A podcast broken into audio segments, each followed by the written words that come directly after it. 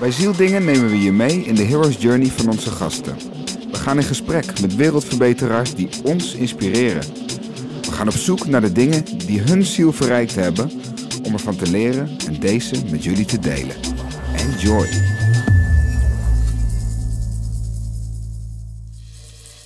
En toen heb ik eigenlijk op dat moment daar meteen besloten voor mezelf, wat er ook gebeurt, ik ga dit opzetten in Nederland. Toen dacht ik, nou laat ik in ieder geval proberen, ik ben altijd positief, laat ik het proberen voor mezelf om te zetten naar iets positiefs en er iets mee te doen. Ehm, en als die school er straks staat, kan ik misschien ook overwegen om toch aan kinderen te beginnen. Hallo, beste luisteraars. Welkom bij een nieuwe aflevering van Zieldingen. Vandaag hebben we Juliette Schrouwers te gast. Hallo Juliette. Hallo. en ehm, ik ga even uh, introduceren. Juliette is duurzaam ondernemer en heeft de afgelopen tien jaar met meer dan 200 verschillende ondernemers uit 15 verschillende landen samengewerkt. In 2016 won zij de Freelancer of the Year Award in de categorie Design. En ze is genomineerd voor de Viva 400 in de categorie Wereldverbeteraars. Verder heeft, ehm, geeft ze zowel offline als online brandinglessen aan studenten die impact willen maken en de wereld willen verbeteren. En met al haar ervaringen is ze oprichter van Branded Forward, uh, Now School en Vrijheidsmiljonairs, waar we uiteraard uh, het veel over gaan hebben deze aflevering. Ze studeerde in 2012 af aan de Design Academy in Eindhoven en heeft inmiddels meer dan 10 jaar ervaring in duurzame en sociale merkstrategie en design. En ze weet dus hoe ze echte veranderingen kan creëren. Um, ja, Juliette werkt momenteel parttime vanuit Nederland en een deel van het jaar vanuit het buitenland. Oftewel ze onderweg is in haar zelfbouw camperkantoor. Wat ook al uh, een heel interessant iets is waar we het over gaan hebben vandaag. En um, ja, ik heb dit uh, van jouw website en daar stond uh, dat jouw levensmissie is om organisaties en ondernemers, millennials en kinderen weer onderdeel te laten worden van de natuur en via jouw bedrijven Branded Forward, Vrijheidsmiljonairs en Now School probeer je dit te realiseren. En je doel is een wereld creëren waarin mensen voor de planeet zorgen, zodat de planeet weer voor ons kan zorgen. En ja, Juliette hoopt op een dag terug te kijken op haar leven en te weten dat ze een keten van positieve impact op bedrijven, onderwijs en het leven heeft gemaakt. En nou, dat is dan eigenlijk ook de reden dat we jou uh, hier vandaag hebben uitgenodigd. Um, bij deze aflevering van Zieldingen. Dus uh, ja, we zitten hier in de studio met uh, Alan, met Ruud, met onze geluidsman Julian en mezelf Vincent. En ja, we hebben er enorm veel zin in. Dus nogmaals welkom. Dankjewel. bedankt voor je tijd. Fijn dat je hier bent. nou ja, we willen natuurlijk van alles weten over wat we net hebben gehoord tijdens de intro. Maar laten we gewoon bij het begin beginnen. Um, ja, je, waar heb je zelf eigenlijk op school gezeten? Ik heb in Utrecht op school gezeten in Tuindorp, een hele witte wijk. En uh, mijn ouders die deden mij naar een katholieke basisschool. En ehm, dat was in die tijd heel gebruikelijk. dat, we woonden in Tuindorp, je had twee scholen, de openbare school en die school. En ze kozen de, de Paulusschool, heette dat. Ze hadden ook veel kerkelijke dingen met kerst en met Pasen en... Ja, dat was de plek waar ik voor het eerst naar school ging. En misschien is het wel leuk om even mijn eerste schooldagmoment te vertellen. Dat was bij juffrouw de Kok. En ik, ik, herinner me dat moment niet, maar mijn moeder die vertelt dat. dat ik naar haar toe werd gebracht, naar juffrouw de Kok. En dat ik helemaal bang werd en begon te huilen. En tegen mijn moeder zei, waar die juf dus naast stond... Nee mama, ik wil niet, want ze is een heks. Nou ja, dat... Wow. Uh... zij hoorde dat gewoon. Zij hoorde dat, ja. ja dus wow. dat was een goede binnenkomer. Ik ben uiteindelijk wel bevriend geraakt met juffrouw de Kok. Dus uh, het is goed gekomen. Uh, ja, maar daar, daar begon mijn schoolperiode. Dus ja. jij voelde iets in haar van een heks of zo? Ja, ik weet niet waarom. Ik weet niet waarom. Ze had grijs haar, ze had een lange rok aan. Had ze een ja, bezemstil vast? Bijna, ja. Het, het, paste wel perfect in het plaatje, maar die, ja, misschien stond in de kast, ik weet het niet. Ja. En, en, en hoe heb je die tijd dan ervaren? Uh, nou, in het begin heel fijn, omdat je natuurlijk uh, in eerste instantie ben je in een situatie waar je heel veel mag spelen en uh, mag ontdekken. En langzaamaan word je een beetje zo in zo'n keurslijf geduwd van het onderwijs. En um, eigenlijk een beetje in groep drie, dus op het moment dat je leert lezen en leert schrijven en dat school veel meer van je gaat verwachten, toen kreeg ik het moeilijk. Ik raakte echt een beetje in de problemen, want ik, ik had al heel snel een achterstand op mijn klasgenoten.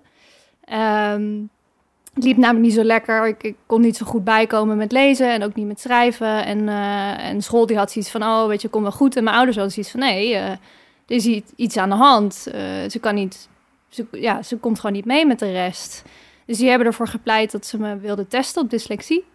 Ehm, dus die hebben, nou ja, ik ben door zo'n heel proces heen gegaan met allemaal testen. Ik moest allemaal leuke opdrachten doen, maar ook opdrachten waarvan ik echt dacht, pff, dat boeit me helemaal niks. En uh, daar bleek inderdaad uit dat ik dyslexie had. Dus ik had een soort van vrijbrief om creatiever te zijn binnen het systeem. Maar tegelijkertijd moest ik natuurlijk ook wel cijfers halen. En, uh, en dat vond ik heel moeilijk. Ik heb echt wel een periode gehad op de basisschool dat ik niet naar school wilde. Dat ik echt huilend in bed lag en uh, dat ik toch moest.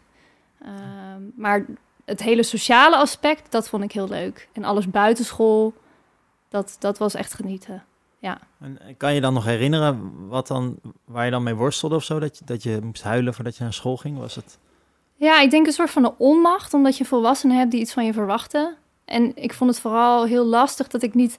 Ik had geen context. Ik snapte niet waarom ik het moest leren. Al die dingen die die volwassenen voor me bedacht hadden. Um, en en dan krijg je dingen als ja, dat is goed voor later, dat is handig en uh, te horen. Terwijl je denkt van ja, oké, maar ik ben nu nog niet daar. Ik, ik, kan me daar helemaal nog geen voorstelling van maken als je zo jong bent. Um, dus ja, ik denk gewoon de onmacht. Dat je, dat je geen eigenaarschap hebt over je eigen leven. Dat vond ik heel lastig. Dat kan ik nu zo benoemen, maar toen was het gewoon ja, als kind, frustratie. Ja, voel je het alleen, maar kan je ja. niet echt omschrijven wat er eigenlijk in je omgaat. En had je wel iets wat je zeg maar wilde worden of zo? Of kan je dat nog herinneren? Oeh, wat ik wilde worden. Ik denk dat ik wel... Ik vond de Spice Girls fantastisch. Dus volgens mij heb ik wel een tijdje Spice Girl willen worden. um, nee, ik had er niet een heel duidelijk doel. Ik was eigenlijk altijd aan het ondernemen als kind. Maar het was niet dat ik als doel had om te ondernemen. Dat is meer gewoon iets wat heel erg in mijn natuur zit. Kan je een voorbeeld geven wat je dan bijvoorbeeld deed? Uh... Ja, een van de leukste herinneringen is dat ik uh, herinneringen um, is dat ik met mijn zusje de grote zussenbeurt begon. En dat is achteraf gezien echt een beetje een dubieuze naam. Uh, maar dat was een uh, auto-wasstraat. Dus we hadden de tuinslang uitgerold op straat. En uh, we hadden een bord gemaakt met drie verschillende grote zussenbeurten. um, en nou, we, we, sprongen gewoon voor auto's op straat. Dat was een redelijk rustige wijk, dus ze reden niet zo hard. En ja, mevrouw, meneer, wasbeurt. En dan stonden we met schuursponsjes. Echt de verkeerde kant stonden we die auto's En dat liep op een gegeven moment zo goed dat mijn vader koffie ging zetten. En mijn moeder ging ijsjes erbij verkopen. De kinderen die achterin zitten. Dus dat, ja, dat is wel een van de meest levendige ondernemersherinneringen die ik als kind... hoe oud waren jullie toen dan? Ja, ik denk dat ik zes, zeven. Mijn zusje en ik schelen twee jaar. Dus we waren echt wel jong. Ja, wow, ja. Dus het zit al echt van vroeg zo van kind af aan borrelde er al iets in je. En dat wilde gewoon eruit. Ja, en ook met de wereld redden. Dan, dan regent het bijvoorbeeld en dan kropen de slakken over straat. En dan dacht ik, oh nee, dat is zielig, want dan trappen de mensen ze kapot. En uh, dan haalde ik gewoon de, alle kinderen van de straat bij elkaar. Dan gingen we al die slakken bij ons in de tuin zetten. Wat mijn ouders natuurlijk ook echt fantastisch vonden. Weet je, dat soort dingen, daar was ik mee bezig. Ja, dus, ja, uh, dus dan ja. jullie slakkenplaag in de ja, tuin. Ja, ja, ik had altijd clubjes en ondernemingen en spelletjes. Ik was altijd bezig met de, de ja, de straatkinderen entertainen. En, uh, ja, En, en hoorde dat dan een beetje bij dat creativiteit, wat je net zei, dat je op school meer ruimte kreeg voor creativiteit, omdat ja. je dus dyslectisch was? Ja. Ja. Ja, dat is wel mooi dat je school dat toen gaf aan je. Nou, eigenlijk dus niet zozeer binnenschool, maar ik nam extreem die ruimte buitenschool, als het ware. Oh, okay. alles dus in mijn vrije tijd. Niet. Nee, te weinig. Te weinig. Niet, goed, niet wat goed voor mij was geweest. Hmm. Maar misschien omdat ik het ging overcompenseren buiten schooltijd, dat het daardoor juist ook heel erg kon bloeien. He, omdat ik een soort van contrast zocht tussen wat ik op school moest doen en wat ik in mijn eigen tijd mocht doen. Ja. Dat het daardoor ook werkte. Ja. ja. De drive werd groter. Ja, ah, mooi. Uh, sowieso uh, heel interessant dat het van zo jongs af aan al in je zat. En ja. nou ja, je ziet daar nu nog steeds wel dingen van terug, denk ik. Zeker, ja. Zijn, je, zijn je ouders ook ondernemend in die zin? Of? Um, in andere opzichten. Mijn vader die is 35 jaar reclamefotograaf geweest. Dus dat was als kind. Hij had een enorme fotostudio. Was dat natuurlijk ook een soort van Alice in Wonderland. Eh, en mijn moeder, die, eh, die werkte ook op de zaak. Na eh, mijn zwangerschap is ze daar gaan werken. Dus zij hielp met de administratie en eh, eh, dat soort dingen. Dus eh, zij heeft ook wel geholpen en het mede Ja. mogelijk gemaakt dat het bedrijf eh, ging floreren. Ze waren wel zelfstandig dus ook. Ja, ja, ja. En op een gegeven moment eh, is het bedrijf failliet gegaan. Dat is eh, met de vorige crisis geweest, Mhm. 2007. Ehm, maar ik heb het wel dusdanig, denk ik, eh, ook kunnen afkijken bij mijn ouders. Ja. En hoe was het dan in je tienerjaren, zeg maar? Dat je bijvoorbeeld de middelbare school, dan moet je natuurlijk weer opnieuw, word je geconfronteerd met dyslexie, met een Zeker. systeem waar je in wordt gestopt. ja. En je creativiteit die misschien geen uiting kan krijgen. Hoe kan je daar wat over? Eh, nou, ik koos in ieder geval voor de werkplaats. Ik was er heel blij dat ik daar een soort van semi-vrije keuze in had. Eh, want ik ging naar de MAVO, dus... Dat is eh, de naam van de school, toch? de werkplaats, ja, Ja, sorry. ja. Ja. Ja, ja, werkplaats in Beeldhoven. Voor de luisteraars. Ja. Anders denken ze misschien dat je gewoon naar een werkplaats ja, ging. ik koos gewoon een ook leuk, ook leuk. Ja, ja, ik ging gewoon een beetje potten bakken. Nee. Ehm, maar de, voor iedereen die de werkplaats niet kent, eh, het was wel een heel unieke school. En Vincent, eh, jij hebt er Ja, ook ik op heb ook gezeten. zelf ook op die school gezeten. ja, Ja. dus eh, jij kan dat beamen. Ja. Het, was, eh, het was heel uniek. We hadden allemaal binnentuinen. Er was heel veel groen omheen. Er waren meer, denk ik, gemiddeld creatievere vakken dan op andere middelbare scholen. Het Ja. voelde minder rigide, eh, denk ik. Terwijl natuurlijk alles wat bij een middelbare school hoort, zat er ook in. Zoals we dat kennen vanuit de middelbare scholensystemen. Ehm, maar ik heb er wel een hele fijne tijd gehad. Ook al was het ook heel moeilijk en heb ik ook wel echt moeten knokken om daar doorheen te komen. En eh, ja, ik was zo blij toen ik eindelijk mijn eh, diploma haalde. En wat misschien ook nog wel een grappig verhaal is van die tijd, is dat wij in ons examenjaar eh, op de middelbare school eh, ging er een nieuw systeem in. En dat betekende, we waren eigenlijk een soort proefkonijnen. Dus we kregen maar zes uur per week les, van alle vakken één uur. En ehm, voor de rest was zelfstudie, maar dat is op een MAVO natuurlijk echt crisis. Of het gaat heel goed, iemand gedijt daarop. Maar over het algemeen heeft, ja, heeft MAVO toch wel iets meer eh, houvast nodig dan wat wij kregen. Dus dat was echt een soort van kippenhok. Volgens mij noemt mijn vriend het voor de grap nog steeds het gesticht. Die zat ook op de WP en die kwam dan wel eens bij ons iets printen... en die dacht echt, wat gebeurt hier? Eh, maar we hadden een time-out boekje en dat betekende zoveel als een schriftje die op de gang lag. En daar mocht je inschrijven van ik ben even naar de biep of ik eh, weet ik veel, ik moet even iets ophalen. Eh, maar iedereen van mijn vrienden, onze hele groep, zat gewoon de hele dag buiten een beetje sigaretjes te roken. Eh, en we hadden dan opgeschreven in een time-out boekje dat we in de biep zaten. En dan kwam er even een leerkracht zeggen van, hé, hey, je moet zo wel naar binnen. Maar we waren zo, denk ik, intens als groep. Ja, ja, we komen eraan. Dat we gewoon de hele dag daar buiten zaten. Eh, dus last minute voor mijn examen kwam mijn moeder erachter dat al mijn schoolboeken leeg waren. Want ik had niks gedaan dat jaar. En toen hebben ze me naar Malta gestuurd. Niet het eiland, maar eh, zo'n huiswerkinstituut. En toen heb ik in anderhalve maand echt het examen erin geramd. Eh, echt, echt gewoon erin geprent, zodat ik eh, mijn examen kon halen. En daarna eindelijk echt een creatieve studie kon gaan doen. Helemaal zelf gekozen. Ja. Oké, en, en had je dan, je had misschien wel meer ruimte voor creativiteit, omdat je niet echt veel les had. Maar zes uur per week, dat is wel redelijk weinig. Ja, dat is heel weinig. Ja, ik denk dat het in die tijd was het vooral lang leven de lol. En was ik helemaal niet zo heel be- erg bezig met het ondernemen en creativiteit. Ik wilde gewoon chillen met mijn vrienden. Ja. eh, en eh, biertjes drinken in het weekend. Dat, eh, daar beperkte zich het wel tot. Ja, het is, Dus mijn brein kon het ook niet aan, denk ik, in die tijd om heel goed te studeren überhaupt. En ik zorgde gewoon ook helemaal niet goed voor mezelf. Dus, En was je ook een beetje een soort van tegendraads of zo, van dat je overal tegen inging? oh ja, ja. En, en, eh, Zeker. Ja, ik heb het echt. Ik heb het leven van mijn ouders echt zuur gemaakt eh, in die periode. Ik wilde alleen maar uit en feesten en ik luisterde echt niet. En eh, ik ging echt overal tegenin. gewoon een beetje terror. Behoorlijk terror. ja, dus echt eh, zacht uitgedrukt voor Ja. me, denk ik.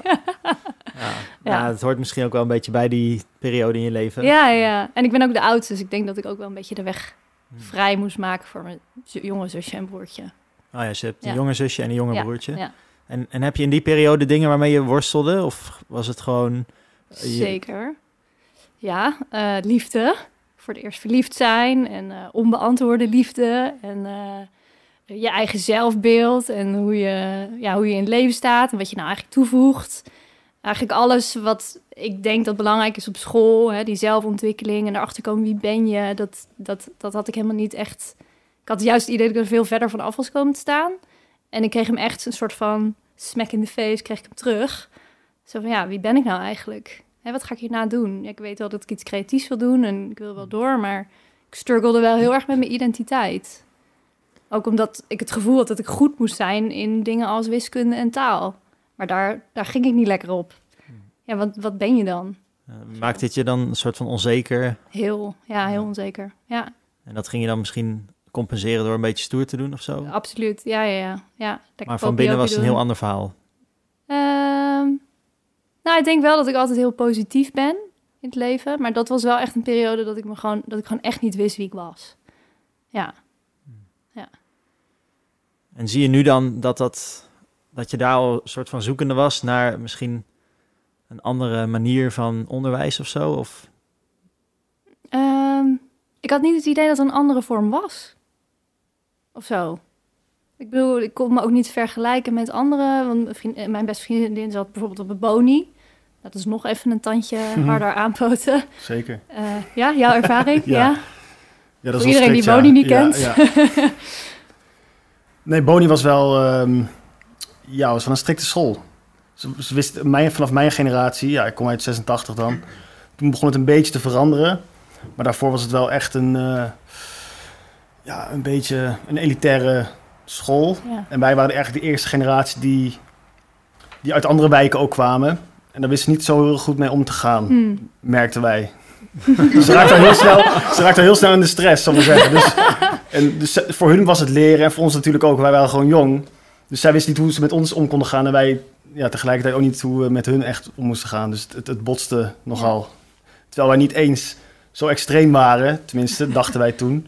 Maar toch werden we zo wel behandeld. En weet je, ja, het is... Het is eh, Ja, maar het is toch raar. Veel, ik kan mijn middelbare schooltijd ook herinneren als gewoon een en al tegendraadsheid. Ja. En Mm. leraren en docenten die gewoon al, op, al- alles op alles moesten zetten om de klas in toom te houden. Het was gewoon een soort eh, wilde westen met één iemand die het probeerde te temperen, weet je wel. ja, Het is eigenlijk raar dat dat ons onderwijssysteem is. ja, bizar. Ja. Ja, Ja. Ja, we gaan er vast nog veel meer over praten. Maar ik, ik heb het idee dat het onderwijs, maar ook de plek waar je les krijgt, dat het zo'n verarmde omgeving is. ja. Ehm, en dat, dat, het is zo jammer dat we dat kinderen aandoen. aandoen. Ja, Ja. Veel onbegrip. ja. Ja.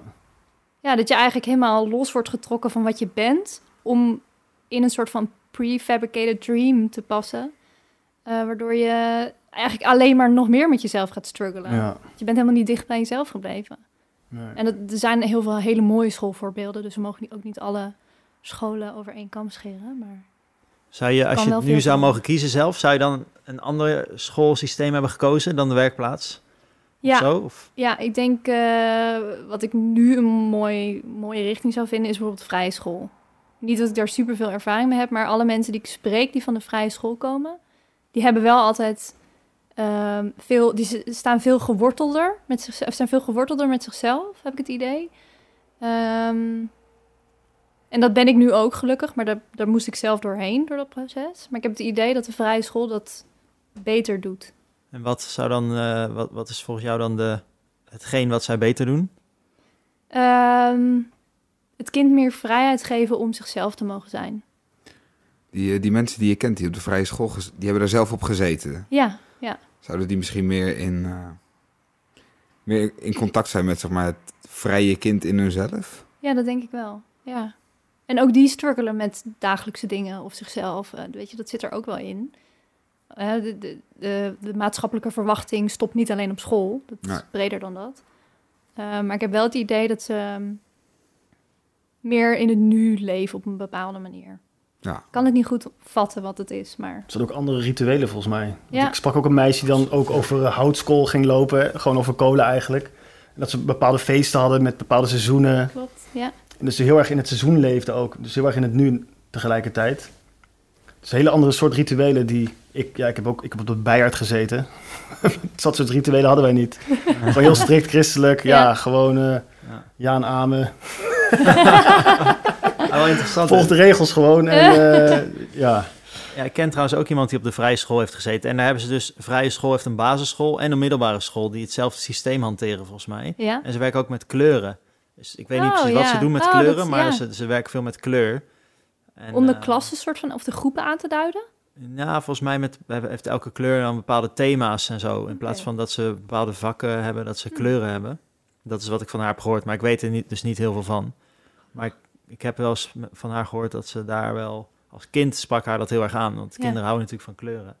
Dus het is wel interessant dat ze zich meer inleven in de wereld van een kind of zo. En Ja. vanuit daar Hadden wij volwassenen niet ook van kleuren? Maar is het dat gewoon iets wat ons wordt afgeleerd? Zit ik me opeens af te vragen nu je dat zo zegt. Ja, ik denk het wel, tenminste. Kleurplaten voor volwassenen. Ja. Ja, Ja. waarom niet? ja, die heb je toch, van die kleurboeken? Ik heb er eentje thuis liggen.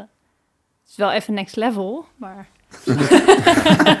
Kun je echt wel drie dagen aan één kleurplaat zitten. Misschien in Nederland wordt het je wel een beetje afgeleerd. Je wordt ook niet echt gestimuleerd, zullen we zeggen, in de openbare ruimte. Nee, qua het is kleurloos, kleuren. En toch? in andere Ja. landen zie je heel veel gekleurde huizen Ja. en weet je wel, in het, in het straatbeeld. Maar hier, elke graffiti of iets wat kleurrijks is, wat, wat de mens dan zelf, of wat de burger dan zelf eh, aanbrengt, wordt gelijk weggehaald. ja. Ja, bizar eigenlijk. Ook auto's die zijn vaak donker. Ja. Terwijl als je in Ja. Thailand bent, zie je allemaal groen en oranje en gele auto's. Ja, Ja. Zie je wel trouwens wel steeds meer gele en rode auto's in Nederland. Maar veel mensen ja met jezelf in een rode, rode auto rijdt natuurlijk. Ja, ja, dan zie je ze ineens, dan zie je ze ineens rijden. Ja. Ik ben niet alleen. Nee. Nee, maar ik bedenk me, ik zat zelf op de Dalton school. En die, als, dat was een basisschool. En we kregen dus een weektaak als kind. En dan kreeg je gewoon een papier met alles wat je moest doen voor een week. Maar ik kreeg gewoon, mijn hoofd ontplofte daarvan. Ik heb nog nooit mijn weektaak afgehad in mijn hele basisschoolcarrière. Dus het was dan heel vrij. De kind, Ja. Het kind kreeg vrijheid om te doen wat hij wilde. Maar ja, ik kan me herinneren dat ik het allemaal niet wilde doen en het ook niet echt kon. En wat voor dingen waren dat dan? Ja, gewoon eh, rekentaak, eh, bo- Ah, ja. ding, hoofdstuk van een Nederlands uit een taalboek of een eh, spreekbeurt. eh. Maar ik denk ook omdat je dan een context mist. Ook omdat je niet weet waarom je dat leert. ja, je moet het uit een boek leren en dan, ja, oké, wat heb ik hier aan? Ja. Niemand vertelt je dat. Nee. Het voegt niks toe of zo aan de wereld of aan je omgeving. Het is, het is gewoon iets herhalen Ja. en that's it. En dat is wel jammer, ja. Terwijl als je een context he- hebt en snapt waarom je iets leert en wat Ja. je daaraan hebt, en dat je veel meer bezig bent met hoe je leert in plaats van wat je leert, dan kan je als kind denk ik gewoon zeggen, ja, logisch, Mhm. dit wil ik leren. En dan krijg je een soort intrinsieke motivatie. Terwijl ja, als iemand je een lijstje geeft, eh, oké, wat moet ik hiermee? Ja, en toch heb je wel een beetje de basisdingen nodig, zeg maar. Je moet wel bijvoorbeeld Tuurlijk, leren rekenen. tuurlijk. Ja, Dus er moet toch een soort balans zijn tussen dingen die, die een kind moet, die hij misschien niet Ja. wil, en dingen die hij wel wil. En, en ook moet mogen dan misschien. ja, ik, ja, ik kan er wel wat over zeggen. Wat, wat ik denk dat goed werkt, ook van voorbeeldscholen die ik onder andere bezocht heb voor de inspiratie van Now School, is dat je, eh, stel dat je bijvoorbeeld een kookles neemt. Ehm, daar kun je zo ontzettend veel mooie vakken aan koppelen. Denk bijvoorbeeld aan biologie of eh, wiskunde, om eh, de maatvoering eh, toe te voegen. Hmm. Of aardrijkskunde, waar komt het voedsel vandaan? Of het leren over culturen, wat doet voedsel met ons? Maar ook biologie, hoe gaat het door je lichaam? Over de natuur, hoe, hoe groeit het? Wat heeft het nodig? Eh, ja, Scheikunde, scheikunde. scheikunde, ja. ja. eigenlijk alles zou je in principe alleen al aan een kookles. Taal kun je er ook aan toevoegen. Als je met verschillende talen eh, Culturen. kookles hebt. Culturen, ja. Dus het is, ehm, denk ik, zo belangrijk dat je een context hebt. Want dan, dan, dan is, het, is het doel niet het gerecht, maar je- het is meer de reis er naartoe. Ja, dat is dan een beetje zo'n cliché. Ja, ik En dan wat je gaandeweg zoek je zelf als kind de tools erbij om dat gerecht te maken. Ja, precies. Ehm, Dat je de kinderen echt een beleving geeft. Ja. Van we gaan dit gerecht maken. Ja. En dat, je ook, dat ze beg- begrijpen waarom ze iets moeten weten of zo. Precies. Ja. En dan stopt het daar niet mee, want dan is de maaltijd klaar. En dan heb je ook nog eens dat je het met z'n allen mag op gaan eten. Dus het is ook nog eens... Een sociaal... eh, Ja. ja. En, en van welke, want je zei voorbeeldscholen die je hebt bekeken. Mhm. Welke scholen zijn dat dan? Die je hebt Eh, bekeken? nou, de belangrijkste is de Green School in Bali, in Ubud. Voor de mensen die het niet kennen. Dat is een ehm, volledige duurzame basis- en middelbare school. Midden in de jungle, gebouwd van bamboe. Zonder muren, dus dat noemen ze dan ook wall-less learning. Eh, dus ja, het is eigenlijk een campus met allemaal bamboegebouwen over het hele terrein verspreid. Hoeveel eh, kinderen lopen daar rond? Ja, daar kunnen we over discussiëren. Maar ze hebben op dit moment 500 en ze willen doorgroeien naar 800. Dus het is echt wel eh, een flinke school. En ehm, ehm, ja, dus hetgene wat ze leren, en hoe ze leren is duurzaam, maar ook de omgeving waar ze leren is duurzaam. En die twee dingen zorgen ervoor dat een kind snapt waarvoor die leert, waarvoor die doet. Hè, hij heeft een goede context. En omdat hij ehm, begrijpt wat voor een, hoe, hoe je in het ecosysteem staat, hoe je verbonden bent met alle dingen om je heen, ga je automatisch er dus ook zorg voor dragen. Want je snapt wat de impact is als je iets negatiefs doet of positief. Ja. Um, Make sense? Ja, omdat ze daar gewoon proefondervindelijk Ja, ondervinden. Ze, Ja. ze doen direct wat met hetgeen wat ze daar leren. ja. Kan je daar een voorbeeld van geven? Hoe, ziet dat eruit? Hebben ze daar klaslokalen of zijn ze daar vooral bezig met tuinieren en dan tegelijkertijd weer leren over planten? Of, of hoe? Het loopt allemaal door elkaar. Eh, ik ben ook niet een, leerpadontwikkelaar of een curriculumontwikkelaar. Dus ik, ik denk dat iemand die dat, die achtergrond heeft, die dat makkelijker eruit kan destilleren.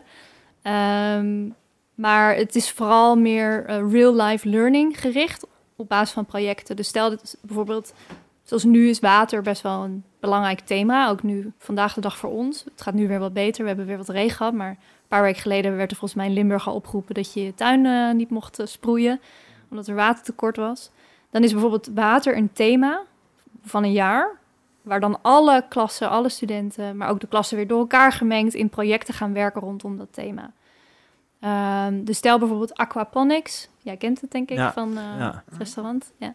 Ehm, nou, dan heb je dus bakken met vissen. En die vissen die poepen. En die poep is weer voedingsstoffen voor de eh, planten. En die planten kun je weer eten. En dan zijn volgens mij weer de afvalstoffen van de planten zijn weer voeding voor de vissen. Dus het is een soort circulair systeem. En dat is dan een eh, ding wat ze met elkaar gaan bouwen. En tegelijkertijd wordt dat dus ook een leerplek of een leeromgeving.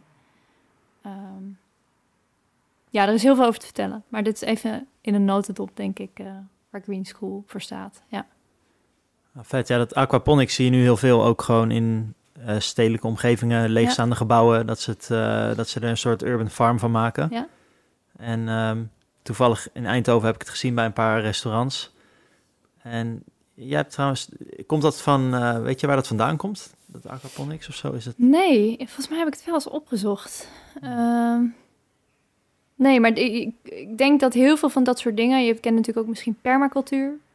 Ja, Eh, dus dat je echt de natuur ehm, als inspiratie gebruikt... zoals de natuur dingen zelf vormgeeft, Ja. omdat Ja. het intelligent is. Mhm. Dat weer te gebruiken en ehm, eh, ja, een ecosysteem te creëren die circulair is, als het ware.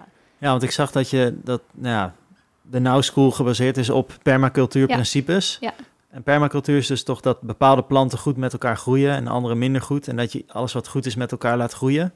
Klopt ja, dat? Het is één, dat is één onderdeel. Dus je, je, je, je bootst eigenlijk dus weer als het ware de natuur na. Dus Ja. planten die het fijn vinden in de schaduw. Of omdat je ze op... Stel dat je bijvoorbeeld planten hebt die wat hoger staan. Omdat ze anders worden aangevroten door een of andere kever.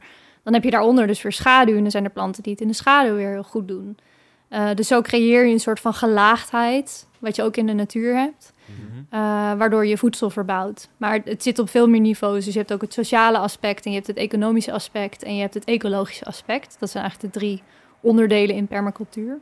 En ik ben me daar nog heel erg in aan het verdiepen van hoe dat werkt. En het is wel vrij complex. Eh, Jij was in Ubud ja, bij die Green School. ja. Wat, neem me even mee terug. ja, ja, wa- wa- wat zag jij nou dat je op een gegeven moment dacht van... Wauw, hier wil ik iets mee. Ja, wanneer kwam dat moment überhaupt? Volgens mij was het al bij de entree.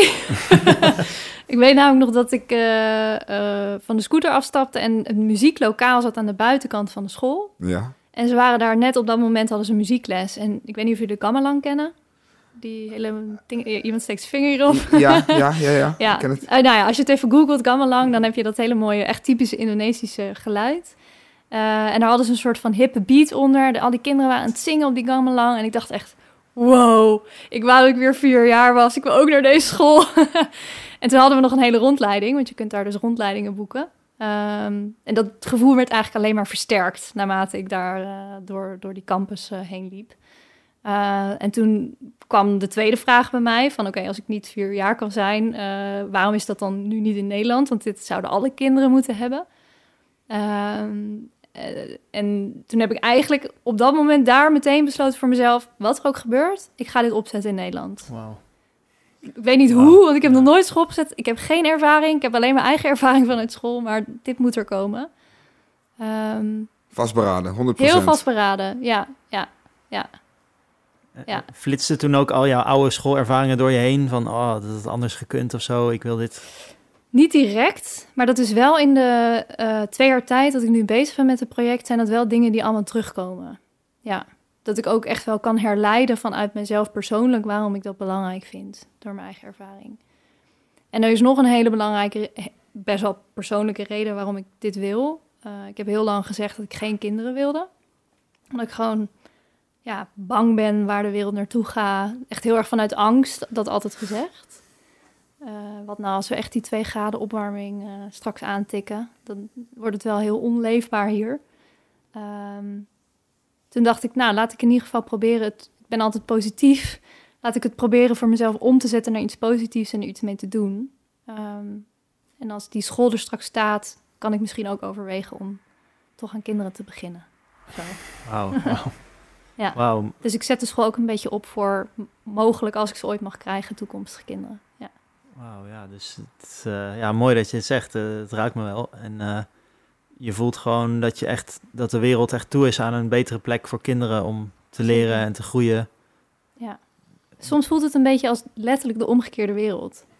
Hè, dat wij als volwassenen met z'n alles, met alle, alles beslissen. Terwijl de kinderen zijn zo ontzettend connected met zichzelf. Maar we vergeten gewoon naar ze te luisteren. We zien ze gewoon niet als volwaardig in de maatschappij, bijna. Het klinkt misschien heel hard, maar mm -hmm. zo ervaar ik het ja. soms echt. Ja.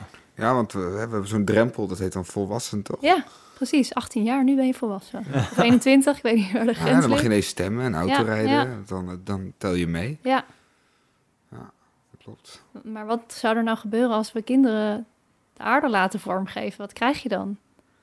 Ik denk dat ze misschien betere keuzes maken dan, uh, dan volwassenen die minder dicht bij zichzelf staan. Ja, denk het ook. Ja.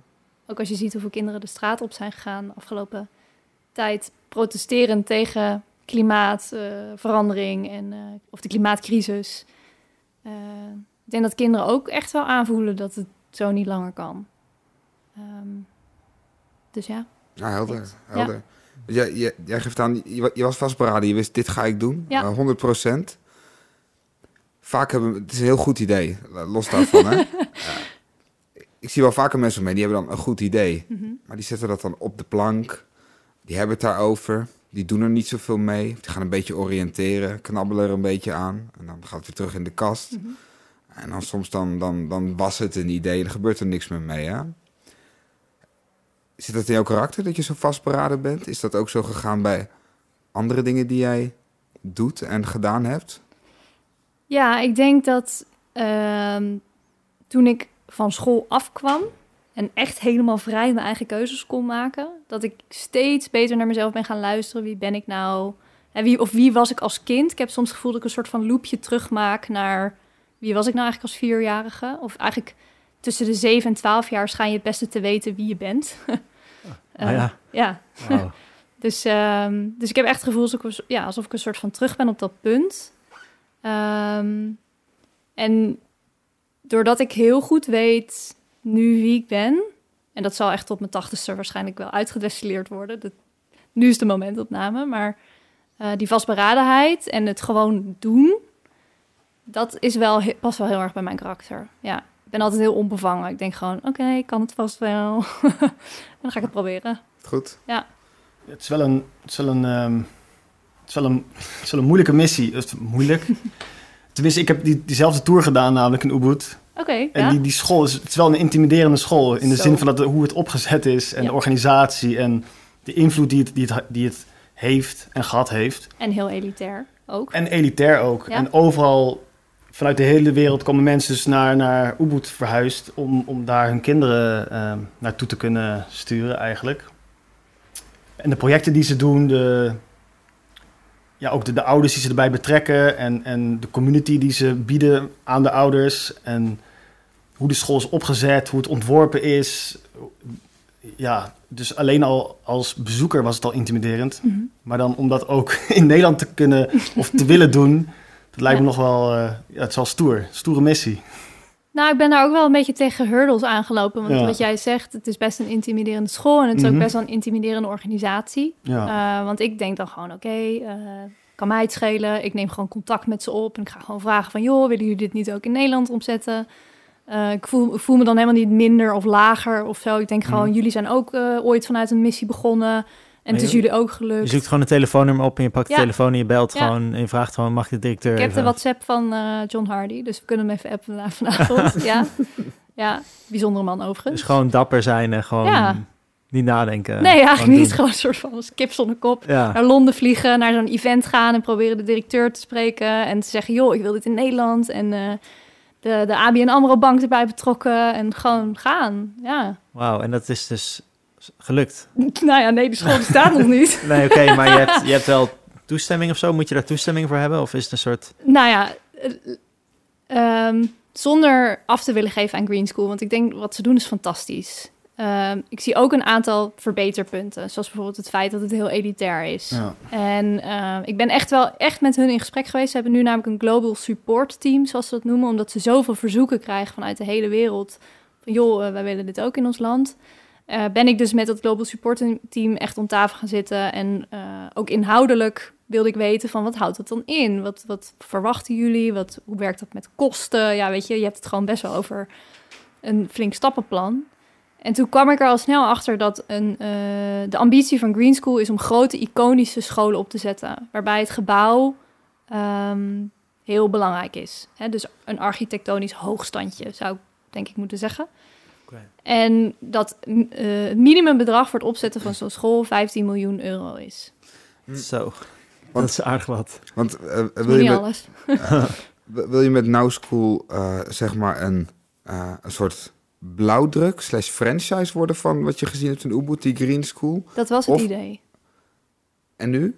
Is En het, nu een- niet meer. is het nee. nu nog steeds, of is het nu voor je voornaamste inspiratiebron? Ja, Oké. samen met nog een andere school die ook eh, voortkomt uit Green School. Dus een, eh, dat heet Real School in Budapest. Hele leuke man die dat heeft opgezet. Die heeft heel lang voor Green School gewerkt.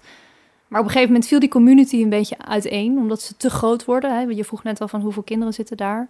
En ze willen dus nu ook nog doorgroeien. Je hebt een soort van magisch nummer, 150 kinderen. En dan nog de ouders en de leerkrachten en de bedrijven of alles wat daar nog omheen staat. Dat is een gezonde community. Als je daar overheen gaat, dan verliezen mensen elkaar uit het oog. Kun je niet meer volgens dezelfde values leven. Ehm, en dat is eigenlijk ook een beetje wat daar, denk ik, gebeurd is. Dus er zijn in die community zijn heel veel, er zit heel veel frictie. Dus nou, Barna is daar weggegaan. Dat is de man die in Budapest is gestart. Ehm, en die heeft ons ook heel veel input gegeven. En vanuit de gesprekken met Real School of eh, Green School eh, over die 15 miljoen euro wat ik net vertelde. En het idee dat het dan 30.000 euro gemiddeld per kind per jaar zou gaan kosten. Want dan is het echt on top of the market, zeg maar. Dat vond ik zo zijn doel voorbij streven. Eh, en wij als team dat we hebben gezegd, dan laten we ons inspireren. Want er zijn zoveel andere mooie concepten. Ehm, dan hoeven we ons ook niet te buigen naar een green school. Dan kunnen we weer die creatieve vrijheid pakken Ja. die belangrijk is om, eh, om ook eh, vernieuwend te blijven. Want we, we willen juist af van zo'n lineair systeem. En we willen naar een circulair systeem waar ook de school... Hè, we verwachten van kinderen dat zij zichzelf continu... dat zij leren, dat ze ontwikkelen. Maar eigenlijk als school doe je dat niet. Hè, je, blijft gewoon le- je, ja, je blijft gewoon doen waar je, waar je goed in bent. Dus, eh, Ik was ja. me aan het eh, eh, verdiepen in Now School en Ja. eh, alles wat jullie tot nu toe hebben. En ehm, wat, ik me afvroeg is, ehm, is het niet juist in Nederland, hè, een land waar we echt zo bureaucratisch zijn met zoveel regels en, en, en wetten en noem allemaal maar op en voorschriften. En is het niet een hele moeilijke eh, ja, omgeving om ehm, zo'n vernieuwend idee vorm te geven? Ja, ik denk dat je de spijker op zijn kop slaat. Het is heel moeilijk.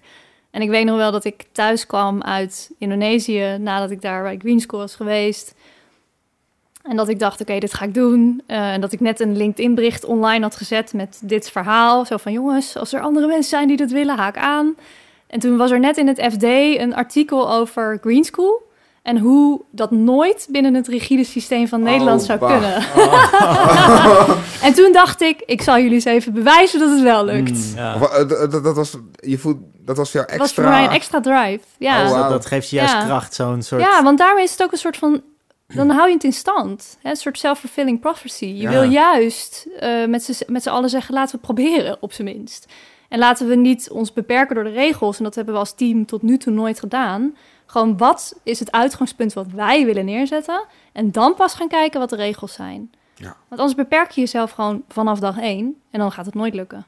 Ja. Want die regels moeten veranderen. Wauw, en, en he- heb je die eh, instelling van, van jezelf uit of heb je dat van iemand geleerd? Eh, een- weet, weet ik, van een business coach of een mentor of een... Eh, ik, ik denk dat ik heel veel mentoren heb in mijn leven. Eh, niet per se persoonlijk, maar eh, ja, mensen die eh, eh, in de wereld leven en in- veel inspiratie hebben. Ehm, maar het is wel heel erg iets wat in mij zit. Ja. Ja, ja eigenlijk al van jongs af aan. Als ik, het, eh, als ik het in mijn hoofd heb gehaald, dan ga ik het doen. Ja, dan ga je ervoor. Kun je me er niet van afpraten? Nee. Ja. nee, nee. Soms wel frustrerend voor mensen om me heen, hoor. Ja. Realiseer ik me. Wel mooi dat je die eigenschap zo inzet voor een betere wereld. Ja. Dat is eigenlijk wel precies wat we nodig hebben, volgens mij. Dank. Ja. Ja, want hoe lang geleden ben je begonnen met, met dit, dit idee? Of wanneer heb je dat, hoeveel, hoeveel tijd geleden heb je dat Ja. LinkedIn berichtje gestuurd? Nou, dat is nu, denk ik, twee jaar geleden. Dat is best al een tijd. Mhm. Ehm, Veel reacties op het, op het berichtje? heel veel. Mm. Ja, we hebben, denk nu meer dan 700 reacties eh, gekregen. En je merkt wel dat op het moment dat je echt aan die community gaat bouwen, dat het wel heel lastig is om ook echt mensen aan boord te krijgen. Het, het vraagt ook wel wat van, van de community zelf. Het is niet zo, oké, we zetten een school neer. Je kunt eh, s s'morgens om half negen je kind droppen en om vijf uur of eh, drie uur weer ophalen. Ehm, nee, je, creëert, net zoals in eh, Green School, creëer je het met elkaar. Ja. Dus dat vraagt echt wel wat voor oude, van ouders Ja. en leerkrachten. En, ehm, eh, en ik, ik weet gewoon, en ik denk dat dat wel iets is wat ik van on- online of mentoren uit boeken of podcast heb geleerd, is dat ik heb altijd een hele grote visie, altijd een hele duidelijke stip op de horizon. Maar het zijn allemaal altijd kleine stapjes die gezet zijn om dat te bereiken. Green School bestaat nu tien jaar. Die zijn ook gewoon ergens begonnen. Ja. Dus ik weet dat dit een soort lange termijn project wordt, wat gewoon echt wel heel veel voet in de aarde heeft om dat te realiseren. Maar elke week voel ik dat we een heel klein stapje vooruit Ja. gaan. En dat is voor mij al voldoende. Weet je, als die school over. Het zou mooi zijn als het volgend jaar september staat. Maar als het over vijf jaar is, is het ook goed. Als dat de, de rijpingstijd is die het nodig heeft. Als het maar goed gebeurt. Dat is maar goed gebeurd. Ja. Ja. En ik denk ook niet dat er een perfect is. Dat heb ik ook wel van alle scholen geleerd. Je kunt niet als perfecte school starten. Dat gaat het nooit worden. Nee. Gewoon vallen en opstaan en eerlijk En blijven. dat wil je ook ja. als kinderen Ja. leren. Je mag falen. is goed voor je. En, en zou je dan ook zelf echt les willen geven op die school? Of wil je meer mensen zoeken die dan daar lessen kunnen geven? En dat Mhm. jij het soort van meer organisatorisch doet? Of voel je echt een passie om zelf direct contact te hebben met kinderen? Mhm. Of hoe? Ehm, ik, ik heb het idee dat het altijd een beetje in mijn achterhoofd leeft. Zo van, oh, het zou ooit misschien kunnen. Een soort van vorm waarin ik onderdeel ben van het leren zelf. Want je Ik- geeft nu ook les, toch? Aan, aan ondernemers Ja, dan? klopt. Ja, ja. Eh, studenten inderdaad eh, content creation, eh, onder andere. Ehm, dus ik vind lesgeven, ik vind, ik vind het vooral heel leuk om mensen in beweging te krijgen. En lesgeven aan zich is niet mijn doel of zo. Ik vind het gewoon heel leuk om mensen te motiveren en met zichzelf aan de slag te laten gaan. Dus wellicht dat ik daar ooit wel een rol Dus lesgeven is meer het middel om mensen ja, te, ja, in, in beweging te brengen. ja, en dan misschien. Misschien zijn kinderen wel heel ontvankelijk of zo. Omdat ze Ja, heel open weet. zijn en Ja. on, onbezonnen. Die, de, de mensen die straks op de New School, Nou, is nou sorry, op de uit, School aan het werk zijn, dat zijn volgens mij niet de stereotype docenten. klopt. Wat voor mensen zijn dat? We hebben nu een hele fijne dame. Die heeft eh, lesgegeven op een boot. Dus ook nog in nieuws geweest vlak voor corona. Omdat ze vastzaten ergens en eh, op de boot in quarantaine waren voordat Oh, ze ik heb- Is dat op, Nederland... die, op eh, dat cruiseschip? Of? Nee, nee, het was echt een, een, een, grote houten zeilboot... waarmee ze met studenten naar, weet ik veel, de Cariben zijn gevaren. En dan... Ja. eh, Wauw, Heb je gezien? klinkt vet. Nou, nee, ik, ik weet van die boot. Ik, ik ken ook dat project, maar ik- dit wist ik niet. Ja, nou ja, zij is dus nu eh, in ons team. Eh, en zij wil eh, meebouwen aan eh, het leerpad. We noemen het dan niet het curriculum, want dat vinden we ook te rigide. Dus we proberen ook andere namen te geven aan dingen. Dat is goed. Het woord school vinden we al struggelen we al mee. Hebben we het idee van, moet dat niet anders? Dus playground, ik zag hem net op de deur hier hangen. Daar werd ik al helemaal blij van. Dat is ook wel echt een woord die we heel veel gebruiken. In onze interne communicatie en af en toe ook al wel naar buiten. Ehm, nu ben ik je vraag kwijt. Nou, dus wat, voor soort Oh mensen? ja, wat voor soort eh, mensen? De leerkrachten. Ja, ja, ja. Ja. ik wou zeggen die Ja. straks voor de klas staan, maar dat, dat is natuurlijk wel heel lineair gedacht. Nou ja, ik denk dat het... En dat is mijn kracht, denk ik, tot nu toe geweest in het project... dat ik heel duidelijk het verhaal kan schetsen. En mensen zoiets hebben van... ja, ja, ja, ja, dat is precies wat ik al heel lang zoek in het onderwijs. Dus er zijn heel veel leerkrachten die hebben gereageerd... die eigenlijk vastlopen ook in dat systeem. Eh, heel veel willen, eh, maar niet de creatieve vrijheid krijgen. En zij zijn ook op zoek naar alternatieven. Hè, net zoals de ouders voor hun kinderen. Ehm, dus ja, wat voor mensen zijn het? Vrije denkers? zou ik ze denk ik creatieve vrije denkers. Die eh, van de gebaande paden afgaan. En ook wel heel erg zoekende zijn in wat het dan moet, moet zijn. Maar ook zoiets hebben van laten we het ook niet te ingewikkeld maken. Laten we gewoon beginnen. En ook dat doen weer heel erg. Ja. Wat je ook kinderen wil meegeven. Hè, ga nou niet eerst alles proberen perfect en het juiste moment af te wachten. Ga het gewoon doen. Kijk wat er gebeurt. En leer onderweg. Dus het is ook een... eh, het is eigenlijk ook heel experimenteel. Heel, ja. En dat vraagt ook iets van de community. ja. en van ouders. Want ja, waar, waar breng je je kind naartoe? Ehm, en ik denk dat, dat je eh, heel veel vertrouwen moet hebben in het proces. En ook wetende dat je daar zelf invloed op kan uitoefenen. Omdat je onderdeel wordt van die community. Ehm, dus de, het succes van Now School... en even losge- losgelaten wat dan de definitie van succes is... ehm, maar die hangt af van de community. Van wat we met elkaar gaan creëren. ja, want die community bestaat uit de kinderen, Ja. de ouders, Ja. de, Leerkrachten, de, de leerkrachten. Wat nog meer? eh, opa's en oma's, Oké. omwonenden, hè, Ja. de community buiten. Je moet het eigenlijk een beetje soort zien als een dorp. Er zitten ook ondernemers. Eh, dus een van onze ideeën is ook dat ehm, er niet alleen maar leerkrachten zijn zoals we dat nu kennen in het schoolsysteem. Iemand die voor de klas staat en die vertelt alles wat je moet gaan doen. Maar dat in principe iedereen een ehm, teacher kan zijn. Dus ook een ondernemer die om de hoek, eh, of nou ja, om de hoek, eh, ja, ze zitten overal, maar bij wijze van spreken de zeewierboer in, eh, in de Noordzee, die bezig is met sociaal duurzaam ondernemen, kan net zo goed een leerplek voor Now School zijn als de school zelf. Wauw. En... Of ja, nee. Ah, ja, doe- doe- ik, ik, ik, ik was even stil. Ik zat hard op de... Of hard op. Anders hadden jullie wel gehoord. Ik zat aan Ik hoorde ervarings, hoor. ja, ervaringsdeskundigheid. Hoor, hoor Ja. ook een beetje in terug. Ja. Dus Ja, levenservaring. ja, ja, dat. Ja. Ik bedoel, jij hebt waarschijnlijk ook iets fantastisch te leren aan ons allemaal hier aan tafel. Jij bent ook een teacher. Ontzettend veel.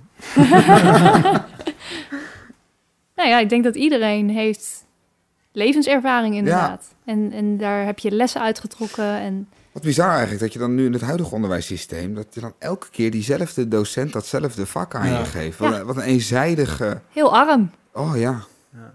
Terwijl Ja. we willen juist een rijke leeromgeving. Die prikkelt en die stimuleert. En En, en zou je dan ook, eh, zie je het dan ook voor je dat bijvoorbeeld eh, ouders samen met hun kinderen soms naar de les gaan? het zou kunnen. Of zo? Of dat ze bijvoorbeeld als gezin iets gaan leren? Of... Eh, ja, ik denk dat eh, als je onderdeel wordt van de community, bieden we niet alleen eh, leren aan kinderen, maar wordt het een soort learning playground for all. Ja, dan kom ik toch even op die playground. Omdat je ook projecten met elkaar gaat opzetten, je bouwt die plek met elkaar. Dus ook de ouder leert mee. Ehm, en als je kind door zo'n proces heen gaat, en waarschijnlijk sta je er als ouder al voor open als je kind op zo'n school als Now School brengt, dan, ehm, dan sta je er ook denk ik zelf voor open. Dus dan wil je ook zelf misschien wel creatief en eh, geprikkeld worden en geïnspireerd worden. Dus misschien dat wij wel een soort van TED-talk-avonden gaan organiseren, waarin eh, leerkrachten of teachers, hè, wie dat dan ook is, eh, iets kan vertellen over een thema wat hun intrinsiek motiveert. Of we gaan eh, yogalessen aanbieden. Of we hebben flexwerkplekken. Dus dat het ook echt een plek is waar je als ouder graag bent. Ik denk namelijk dat die ouders ook ander soort ouders zijn dan de mensen die nu, nu na corona nog steeds in de auto stappen en in de file gaan staan. Ehm, ja, dus ja, ik, ik verwacht dat ouders daar ehm, in, in zekere mate ook echt wel heel erg veel in zullen leren. Ja, Dus het is eigenlijk ook een plek voor pionierende ouders Ja. die iets nieuws willen. Ja. En dan om, om de kinderen te leren om een nieuw, in, in een nieuw systeem op te groeien, om uiteindelijk dus te gaan bouwen aan een, een ander soort wereld. ja precies. En zijn er dan ook bepaalde waardes die je centraal eh, hebt staan of zo in dat systeem? Eh, ja, ik denk dat de belangrijkste eh, holistisch is. Dat we alles vanuit een soort holistisch perspectief benaderen, aanvliegen, bekijken. Hè, ja, dat het ecosysteem ehm, in ieder geval altijd bloot wordt gelegd. Zodat je ziet waar, waar maken we impact met elkaar. Dus het, ecosysteem van. Van jezelf, dus je, zeg maar, je microcosmos, alles wat aan de binnenkant gebeurt, dus je binnenwereld. Maar ook de externe wereld, de macrocosmos, dus alles wat nou ja, buiten jou gebeurt, maar wel weer van invloed is en andersom. Ehm, dus dat is een hele belangrijke. Community is een hele belangrijke value. Dus dat we het met elkaar doen. Ehm, ik heb ze nou niet even nu allemaal exact in Het mijn waren er hoofd. best wel veel. Het waren er zes. ja, het waren er zes. En het is ook echt iets wat nog in proces is, omdat we aan het bijschaven zijn. Oké. Ja. Eh, we hebben eigenlijk onlangs ons concept helemaal opgeschreven. Omdat Ah, ja. we nog zo... eh, de woorden waren nog zo los en lagen overal versnipperd... dat we hadden zoiets van... we moeten nu één scenario opschrijven. Zo willen we verder. En ik kan stiekem ook wel misschien al wat meer vertellen. Eh, we zijn namelijk... Ik ga niet exact zeggen waar, maar... ehm, ik had zoiets van... ik wil eigenlijk gewoon heel graag in mijn eigen community dit starten. Je kunt heel groot denken en de wereld willen verbeteren... maar begin nou maar gewoon eens even in je eigen omgeving... Ehm, en dan kan het altijd groter worden dan dat. Heb je in ieder geval een proof of concept. Dus we hebben nu een hele toffe plek waarmee we in gesprek zijn. Ehm, en het is een plek die eh, krijgt eigenlijk als het ware een soort van nieuwe bestemming. Ja, kan niet te veel. Ik ben een beetje voorzichtig met mijn woorden. Ehm, maar het is een, een plek die best wel van zichzelf al heel groen is. En wat nu een, een nieuw, ja, waar een nieuw leven in wordt geblazen, wat dus een nieuw concept wordt. En dat wordt een plek waar veel meer dan alleen dat wat er nu is plaatsvindt. Dus het wordt een playground waar heel veel verschillende ondernemers samen gaan komen. Ehm, waar Now School eigenlijk perfect in past. Want zij hebben als doel om een plek te creëren waar je naartoe gaat als gezin of als onderdeel van een community. Waar je denkt, ik ga, er een uurtje heen, maar vervolgens vier uur later er nog steeds bent omdat het zo leuk is. Eh, en circulariteit staat bij hun helemaal centraal. En ja, het wordt echt ontzettend tof. Dus ik heb nu al mijn pijlers. En het is een beetje hetzelfde gegaan als met Green School. Ik heb gewoon contact opgenomen met de directeur. Bekende man in Utrecht. Noem nog even geen namen. Ehm, maar we hebben echt een hele leuke klik. En hij heeft ook een jonge dochter. Dus voor hem zit er ook een persoonlijke motivatie achter... waarom die aanging op dit concept. Wauw. Ja. En, eh, in Utrecht dus wel? In Utrecht, In Utrecht. ja, ja, ja. Klinkt leuk. Ik Klinkt wil, ik wil als jullie een- er alles over vertellen, maar Ja. ik moet me inhouden. Ja. ja. Match. Eh, Echt een match, Ja. ja. ja, En ook ehm, vooral omdat, die, omdat ze zelf daar heel erg nog aan het pionieren zijn. Dat staat echt in de zeg maar, startblokken. Ehm, dat er ook heel veel ruimte voor ons is om te experimenteren en te proberen. Hè, dat je niet meteen voor 100 jaar een contract moet tekenen voor huur. Of, dat is gewoon iets waar daar komen we wel uit. Daar heb ik gewoon vertrouwen in, omdat het eh, iets is wat elkaar gaat versterken en het concept vooruit gaat helpen. Dus ja, ik denk dat het echt de perfecte match is. Beetje eng, perfect. Ja. Ja. Want voor, voor wie wordt de Now School? Is dat dan Goeie voor de, voor de buurt of voor Utrecht? Of Ja. voor iedereen die het kan betalen? Hoe, hoe Ja. duur wordt het überhaupt? Is het een soort van privé-ding? Of Goeie voor vraag. iedereen betaalbaar? Ja, Krijg je een subsidie misschien als je niet kan betalen? Of hoe... Nou, ons uitgangspunt is altijd geweest, eh, en dat is ook een van de values, komen we er toch nog even op terug, diversiteit. Eh, je merkt wel dat er toch wel overwegend veel ehm, ja, witte mensen op dit soort scholen afkomen op de een of andere manier. Ik weet niet waarom. En dat ligt misschien ook aan onze communicatie, dus daar moeten wij ook goed over nadenken hoe wij dat eh, aanvliegen. Ehm, maar we wilden eigenlijk altijd het liefst dus een openbare school zijn. Dus wat gewoon staatsgefund is en waar iedereen eh, naartoe kan. Ehm, mits we vrij genoeg zijn om dan ons concept op te zetten. Dus als nou blijkt dat dat toch te rigide is, dan gaan we starten als privéschool. En dan gaan we ons eh, waarschijnlijk, denk ik, Brits accrediteren. Eh, zodat je, ja, dat klinkt nu heel random, maar dat, eerste, die school in Budapest heeft dit helemaal uitgezocht. Dat is zeg maar eh, een accreditatie waar je de meeste ruimte in hebt om zoiets als dit op te zetten. Oké. Een strategische move. Strategische move, ja, exact. Nee, helemaal niet met als doel dat het een Brits geaccrediteerde school Het is wel zijn. Engelstalig, geloof ik, toch? Ja, dat is wel. eh, dat is ook iets waar we nog heel erg mee spelen. En wat we ook nu met stakeholders aan het bespreken zijn. En met ouders en leerkrachten van wat moet daar de balans in zijn. Eh, maar het uitgangspunt is dus dat iedereen het in wezen zou moeten kunnen betalen. Ja. En dat is ook de plek waar, waar, waar ik het net over had. Is ook een, he- zit een hele diverse wijk naast. Dus het zou ook echt waanzinnig zijn als we die community die kant op kunnen Precies. krijgen. Want volgens mij normaal gesproken krijg je dus als buurtgenoot van de school, dan krijg je voorrang. Mhm. Is dat in dit geval dan ook? Of, Ik weet niet precies hoe dat zit. Ja. Dat zijn allemaal dingen die we nu ook aan het uitzoeken zijn. Van hoe zet je dat überhaupt op? Ja. En gaan we nu niet eerst starten met die naschoolse opvang? En daar moet je ook al aan allerlei regels voldoen. Ehm, waar je natuurlijk de regels wil breken. Maar ja, daar heb je gewoon wel eh, mee te maken. ja. Ehm, maar ik weet niet precies hoe dat zit. Nee. En stel nou dat het wel een privéschool wordt, omdat we gewoon niet die vrijheid voelen om eh, dit op te zetten. Met hopelijk dan als doel uiteindelijk gewoon een staatsgefunde school te worden. Dan gaat het waarschijnlijk als privéschool ongeveer 10.000 euro kosten. Waar het overgrote deel van het budget naar de leerkracht gaat. Want de leerkracht wordt in Nederland en op heel veel plekken in de wereld heel slecht betaald. Ja. En het zijn gewoon de helden, hè, die maken of kraken de school. Ja. Dus die eh, mogen gewoon naar waarde betaald worden. Ja. Ja. Ja. En kijken jullie voor de rest nog naar andere systemen, zoals Montessori bijvoorbeeld of Jena-plan? Hebben we heel veel gedaan in het begin. We hebben echt eh, de ene na de andere school gesproken. En op een gegeven moment zijn we daar een beetje mee gestopt. Omdat je, je hebt zoveel verschillende stromingen en zoveel Ja. verschillende ideeën. En op, ja, dan gaat je hoofd ervan tollen en dan weet je het ook niet meer. Ehm, dus toen zijn we echt heel erg vanuit onszelf gaan beredeneren. Wat, wat zijn nou al die ingrediënten die we overal vandaan hebben gehaald? En wat willen we meenemen? Eh, maar niet, niet meer nog meer met andere scholen Nee. praten. Ehm, en we zijn nu wel met een dame in contact die ook bij Green School een belangrijke rol heeft gehad. En die zit dus ook heel erg op dat permacultuur verhaal. Eh, en we willen haar heel graag eigenlijk naar Nederland halen om bij het team te horen. Maar we doen alles nog vrijwillig. Dus dat eh, moeten we nog even zien hoe we dat gaan doen. Ja, Ja, gaaf. Eh, echt eh, heel erg inspirerend. En mooi dat dit gewoon, eh, ja, dat je dit oppakt. En ehm, jullie zijn eigenlijk met drie eh, grondleggers, toch? Zag ik op je website. Drie founders. Ja, er zijn nu nog drie anderen in het team. En mijn nichtje die heeft eh, onlangs een soort van school, vanuit school een project gedaan.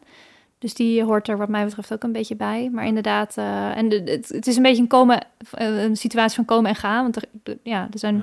meer mensen geweest.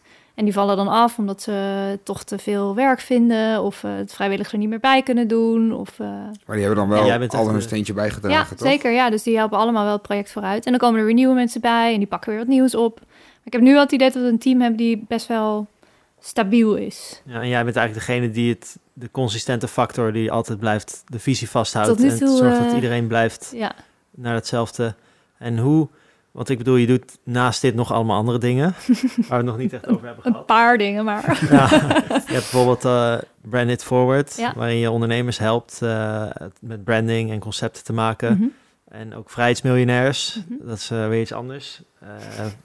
Eh, Huis bouwen. ja, huis bouwen en nou ja, allerlei dingen. En dan vraag ik me af van hoe, waar haal je die energie vandaan? Hoe, hoe blijf je on top, zeg maar, Ja, van al die dingen? Loop je nooit over van stress of... tuurlijk. Jawel, heb ik ook wel eens. Ehm, nee, ik moet hier niet als een soort van goddelijkheid gaan zitten en zeggen dat ik nooit stress heb. Nee, ik heb ook wel eens dat ik overloop en denk, eh, pff, hoe ga ik dit allemaal doen? Maar over het algemeen weet ik, doordat, eh, doordat ik die grens in mijn leven heel vaak heb opgezocht. Ik heb bijvoorbeeld de Design Academy gedaan in Eindhoven. En dat vond ik echt een hele pittige opleiding. Daar heb ik echt nachten doorgewerkt en ik wilde er alles uithalen. Tenminste, dat dacht ik dat ik dat wilde. Achteraf zien denk ik, nou, had ik wel rustig aan kunnen doen. Nou, het heeft je wel, je Eh, afstudeerprojecten, ben je mee op tv geweest. Ja, ik heb je gezien bij. Spuit en Slik aan tafel. ja. No shame there. nee, nee, nee, ik zou dat opnieuw doen. Eh, wil je het daar ook over hebben? nou, nou ja, je mag wel even kort eh, voor de nieuwsgierige luisteraar even kort vertellen wat dat... eh, Heel nieuwsgierig. Heel nieuwsgierig. Eh, nou, oké, ik was helemaal vrij in mijn afstudeerproject. Het was, je doet geen, eh, je schrijft geen essay of zo, of hoe heet dat? Eh, ik weet niet eens hoe het heet. Scriptie. Scriptie, Ja. dat je nooit mee te maken gehad, gelukkig. Ehm, eh, dus je kiest eigenlijk een eigen project. En toen kwam ik een onderzoek tegen waaruit eh, bleek dat jongetjes gemiddeld tussen de leeftijd van 8 en 12 was het volgens mij voor het eerst in aanraking komen met pornografie. Bijna altijd via internet. En ehm, ja, ik, ik vond dat best shocking, wa- want ik ben zelf uit nieuwsgierigheid gaan kijken van wat, waar kom je dan met een paar klikken op de knop? Of eigenlijk al met één klik op de knop. Als je even invult, ik ben 18, want ja, iedereen kan het invullen. Ehm, en toen heb ik echt wel hele intense, eh, heftige dingen gezien, die onbewust natuurlijk e- educatie is voor kinderen. Dus heb ik uiteindelijk een eh, illustratiestijl overheen gelegd. Dus ik heb al die plaatjes die ik online heb gevonden, heb ik overgetrokken. En daar heb ik een pop-up boek van gemaakt. Nou, en daarmee ben ik inderdaad bij uh, Spuit en Slikken terechtgekomen. Ja, dat is dus een boek, een soort Super 3D-boek. hè. serieus. Als je hem open doet, dan komt zeg maar het plaatje komt eruit. kwam een piemel uit. En, eh, ja, Ja, ja, en ook wel andere heftige dingen. Ja. Maar eigenlijk was dat dus ook al gericht op kinderen Ja. en onderwijs. Klopt, ja. Dus dat is wel een rode draad altijd. Ja, gedragsverandering, denk ik. Ja. En toevallig ging dat over kinderen. Maar eh, sociaal duurzame eh, gedragsverandering, ja. Nou ja, maar je was dus aan het vertellen over de Design Academy, dat je daar dus al te maken kreeg met nachten doorhalen, Ja. hard werken. Ja. En hoe werd je daar dan ook eh, iets geleerd over hoe je omging met stress en zo? En hoe je- Helemaal niet. Nee, nee, nee, helemaal niet. Nee, ik Maar hoe- denk... Hoe doe je dat dan? Ik denk omdat ik toch wel heel dicht bij mezelf sta, dat, dat alles gewoon heel leuk is.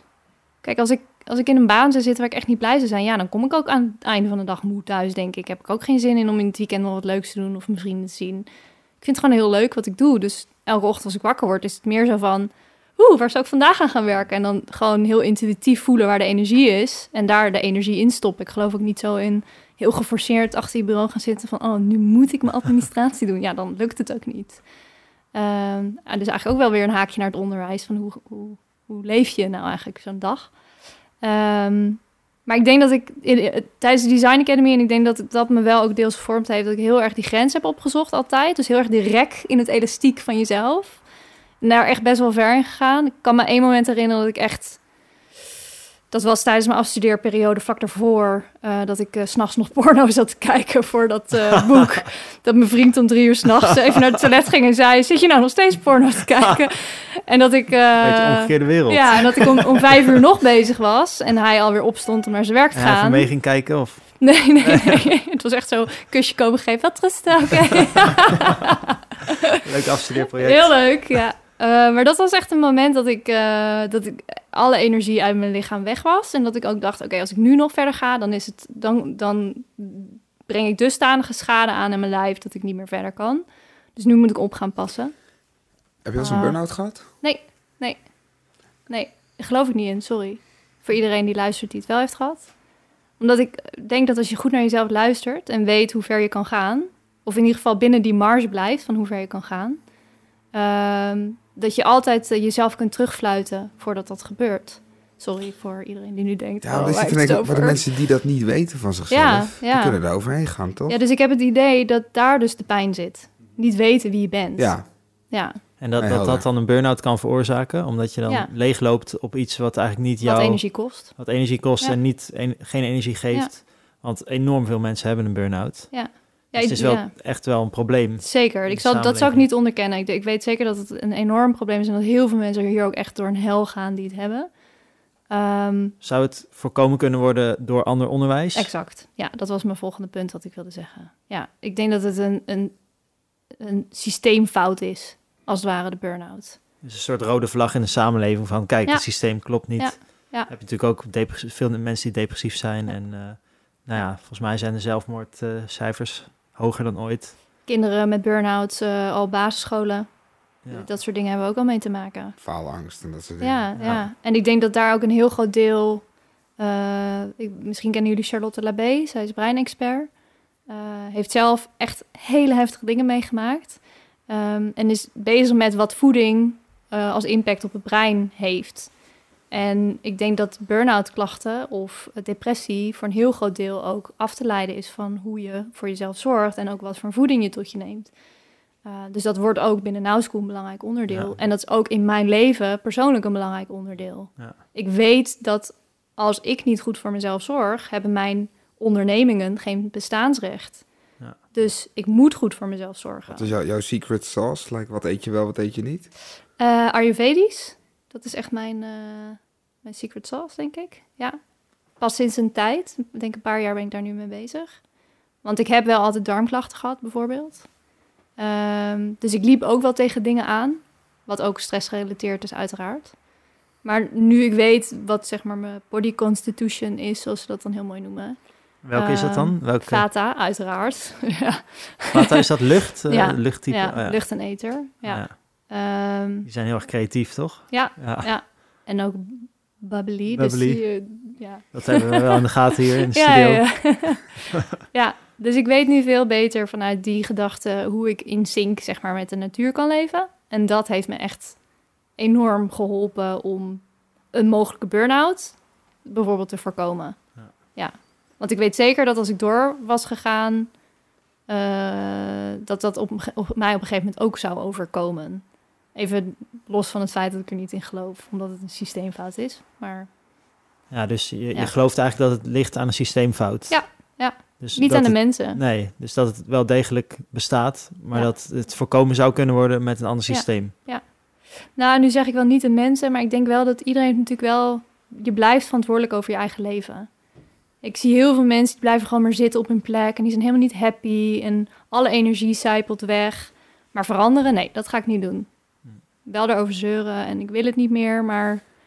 Ja, Maar ook niet ja. weten hoe ze moeten verantwoordelijkheid veranderen. nemen. Ja. Precies. Mensen die zien En niet weten eens. wat ze willen. En Nee. Dus dat komt ook allemaal weer terug vanuit onderwijs. Ja. En hoe kwam je dan achter jou, eh, wat je net vertelde over Ayurveda? Dat lijkt me niet iets wat je gewoon zomaar 1, 2, 3 vindt. Of, of hoe? Hoe kwam ik daarbij?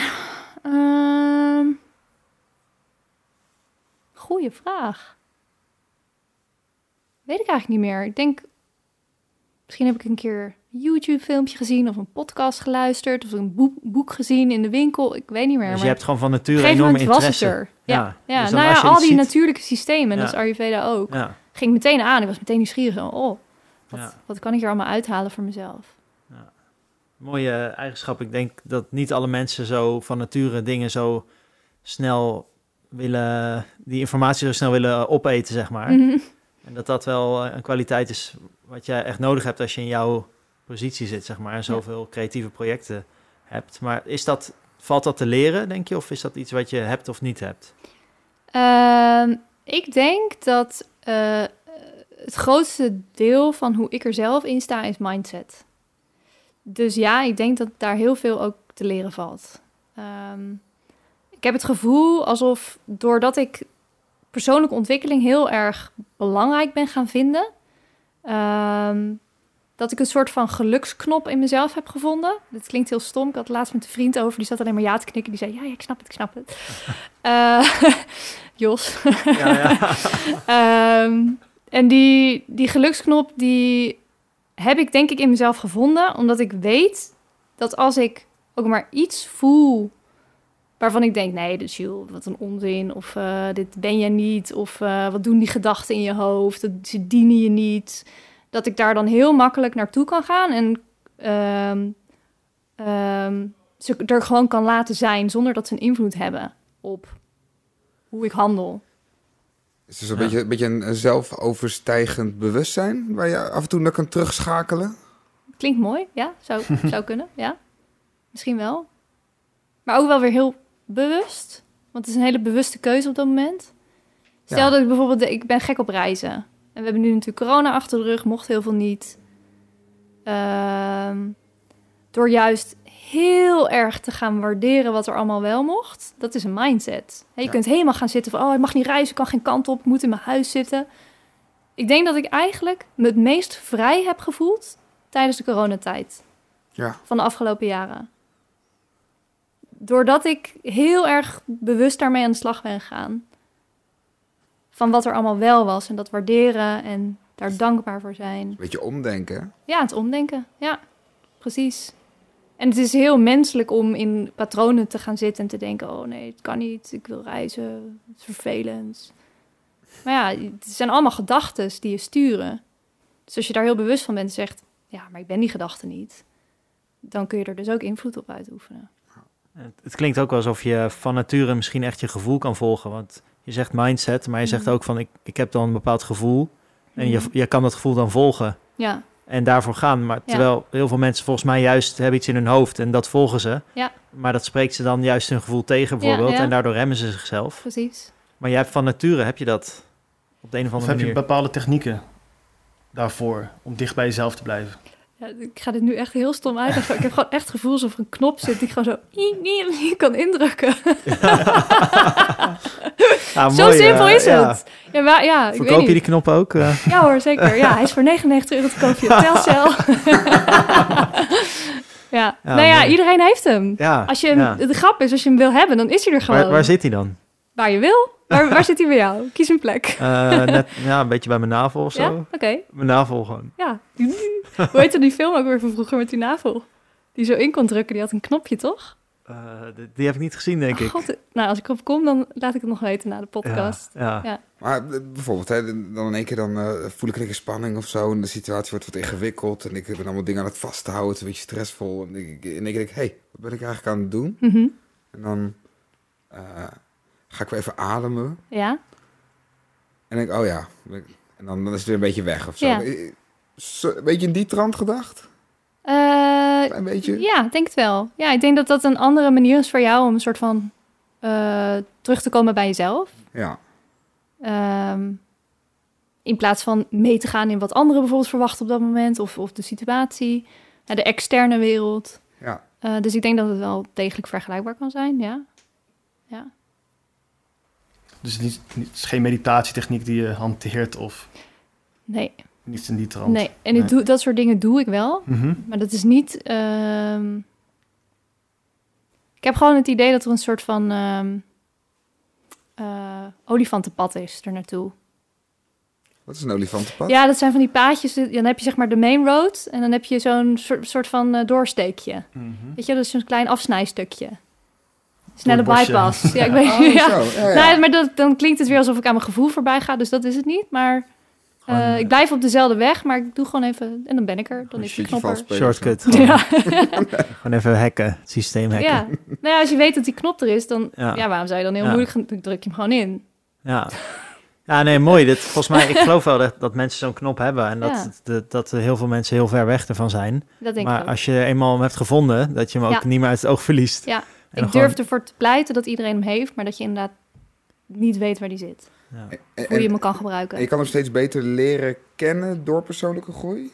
Mm, Of was hij er ineens? hij was er gewoon. Ja, sorry. En je hebt toch ook wel de, de ik, heb uitspraak? geen, ik heb geen eh, soort van... eh, als je dit, eh, deze ingrediënten koopt, geen dan stappen kun je heel lekker gerecht koken en dan heb je hem. Nee. vijf stappen naar de geluksknop. nou ja, nee, ja, ik kan het gewoon heel simpel voor je maken. Je hebt hem nu. Thanks. Maar maar mensen Ja. hebben, dat is wel een uitspraak. toch? Ik zet, ik zet er gewoon de knop om, zeggen mensen heel Ja, vaak. ja. Nou, welke knop dan? Nou, Ja. dat is misschien die geluksknop. Ja, misschien. Interessant. Ja. nou, misschien kan je er ooit wel een eh, cursus over geven. Nou, ik speel wel met ideeën voor dat, ja, bijvoorbeeld een boek schrijven. Of, eh, maar dan wil ik echt nog wel zelf een stap verder zijn. In plaats van nu alleen maar op te schrijven, je hebt de geluksknop. Ja, nou ja, je acties laten wel zien dat je werkelijk een, eh, iets bijzonders hebt, waardoor je dus allemaal dingen eh, onderneemt. Mhm. Met heel veel eh, dapperheid en eh, gewoon heel veel ja, mooie kwaliteiten waar heel veel mensen veel van kunnen leren. Dus dat is, ja, vind ik inspirerend. Don't make me cry. Ja, want hoe ziet een typische dag bijvoorbeeld eruit voor jou? Hoe, laat sta je op? Hoe laat ga je naar bed? Dat, dat soort dingen. Ja. Heb je bepaalde Ja, rituelen die elke dag- Ja. Eh, nou ja, vanuit Ayurveda natuurlijk wel een beetje. Voor mensen die het niet kennen. eh, s morgens na zes uur is de tijd dat alles heel zwaar wordt. Dus dan is het juist heel moeilijk om op te staan. En als je na tien uur naar bed gaat, dan, wordt, dan is het juist de periode dat alles heel licht en bewegelijk wordt. Dus dan ben je juist geneigd om op te blijven. Eh, dus ik probeer me daar, dat zijn even twee dingen die voor mij heel belangrijk zijn. Voor tien uur Eh. naar bed en voor zes uur opstaan. Ja. Oh, ja. Ja, het gaat vanavond niet lukken, maar jongens, ik heb het voor jullie open. Dankjewel. Ehm, maar als ik opsta, dan ehm, drink ik eerst warm water. Nu wordt het een heel leuk verhaal. Eh, omdat ik echt geloof dat het super belangrijk is om eh, te elimineren. Dus om gewoon te poepen. Mhm. Ehm, omdat dat de afvalstoffen zijn die s'nachts nachts je darmen hebben uitgescheiden. En eh, als je die met je meedraagt overdag, en zeker als vata, dan eh, geeft dat gewoon allerlei problemen. Dus eh, door warm water te drinken kun je makkelijker naar het toilet. Dus iedereen die luistert en daar problemen heeft, drink eerst warm water. Hoeveel glazen? Eh, ja, gewoon een beetje afhankelijk van wat er nodig is om naar het Ah, toilet 16. te gaan. 16. Bij mij, is dat- bij mij is mijn lichaam nu zo gewend dat ik eigenlijk niet eens meer warm water hoef te drinken. Je hoeft alleen maar aan warm water te denken. Ja, ik hoef alleen maar de waterkoker aan te zetten, dan moet ik al naar de wc. Dat is die knop, hè? Dat is die knop, ja, ja, ja, de proefknop. Ehm, en ik eh, neem probiotica, eh, dat soort dingen. Dus ik ben echt wel heel erg bezig met mijn darmen zeg maar klaarmaken voor de dag. Ja. Dat vind ik echt heel belangrijk. Ik weet dat ik daar heel erg goed op gedij. Ehm, en dan zorg ik altijd voor dat ik beweeg. Dus ik ga ofwel wandelen, s morgens vroeg, eh, met een podcast op of met een muziekje of luister naar de vogels, net waar ik zin in heb.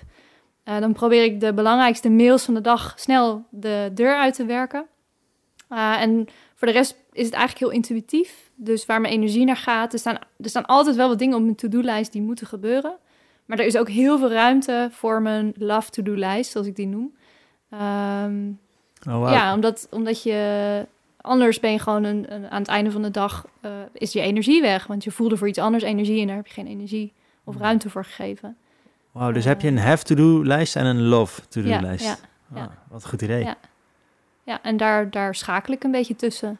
Dus het kan ook zomaar zijn dat ik eh, om drie uur nog een, een to-do-ding heb. Maar het kan ook zomaar zijn dat ik dan eh, aan mijn passieprojecten werk, zoals ik die dan noem.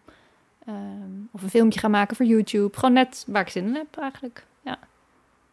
ja. En dat is wel een luxe positie, want je moet natuurlijk op een bepaalde manier ook aan je brood komen. Of je geld verdienen.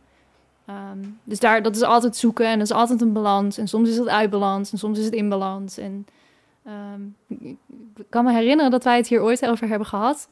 Tijdens onze studententijd. Dat we zeiden. Ik weet niet of we het met elkaar eens waren, dus ik ga het nu nog een keer zeggen. Kijken Ja. of dat. eh, eh, maar dat, dat ik toen zei van. Ik heb het idee dat uit balans zijn eigenlijk in balans is.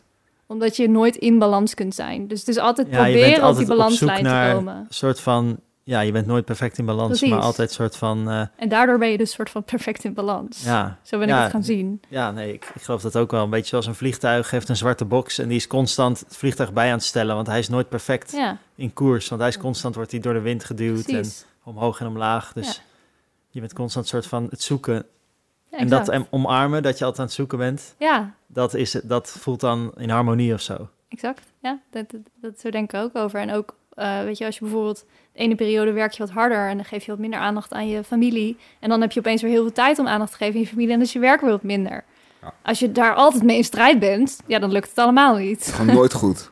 Nee, en dat, en dat is perfect. Ja. Ja, dat, is, dat, dat- ja. Ja, perfecte imperfectie. ja, ja. En heb je ook een avondritueel dan? Oh ja, avondritueel. Eh, oh ja, nog even over lunch, dat is ook belangrijk. Ik eet altijd de grootste maaltijd midden op de dag. Rond, eh, eh, als de zon op zijn hoog staat, want dan kan je lichaam dat best verteren. Het is rond twee uur. Eh, dat is om half eh, één.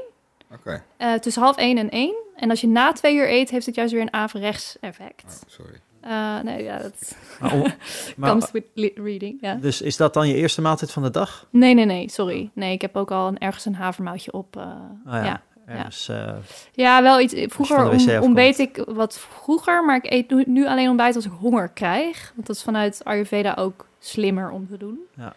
Ehm, en dan s s'avonds een, juist een iets lichtere maaltijd. En die eet ik het liefst voor zes uur. En daarna probeer ik mijn lichaam rust te geven. En het is niet per se dat ik dan al mijn devices uitzet. Of dat ik eh, niks meer mag. Of dat ik alleen maar een boek mag lezen of mag mediteren. Ook gewoon weer waar ik zin in heb. Als ik zin heb om nog te wandelen. Of nog wat leuks wil doen. Of als ik een film wil kijken. Of een boek lezen. De, de, de ruimte voor wat er maar gebeurt. Maar voor tien uur onder de wol. Ja, dat probeer ik wel. Ja. En dat eh, lukt 9 van de 10 keer. Ja.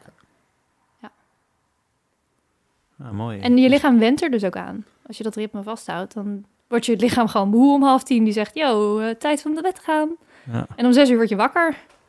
Zet, je, zet je dan ook geen wekker meer? Word je al, of, Eh, het gebeurt me regelmatig dat ik twee minuten voordat de wekker gaat wakker word. Ja. Dat is echt, het gebeurt echt wel heel vaak. Ja, dus eigenlijk zou ik hem niet meer nodig hebben. Maar ik vind Ja. het gewoon nog lekker om hem wel te gebruiken. ja, ja. mooi. En je noemde net ook al even vrijheid. Van ik heb de, de Mhm. vrijheid om dit te doen.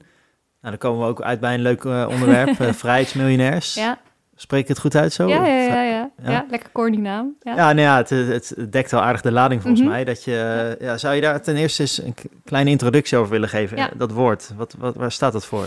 Ehm, nou, het ontstond een tijdje geleden, omdat ik ben nu sinds een jaar, denk ik, eh, bijna dagelijks aan het vloggen op Instagram. Dus ik deel gewoon mijn reis eh, in stories, omdat ik het leuk vind, ehm, omdat ik eh, daarmee bepaalde skills kan trainen, zoals mijn verhaal vertellen, waardoor ik steeds meer tweak en daar beter in word. Eh, omdat ik mensen mee wil nemen in de reis, omdat ik communities wil bouwen en gedragsverandering teweeg wil brengen. Dus allerlei redenen om dat te doen.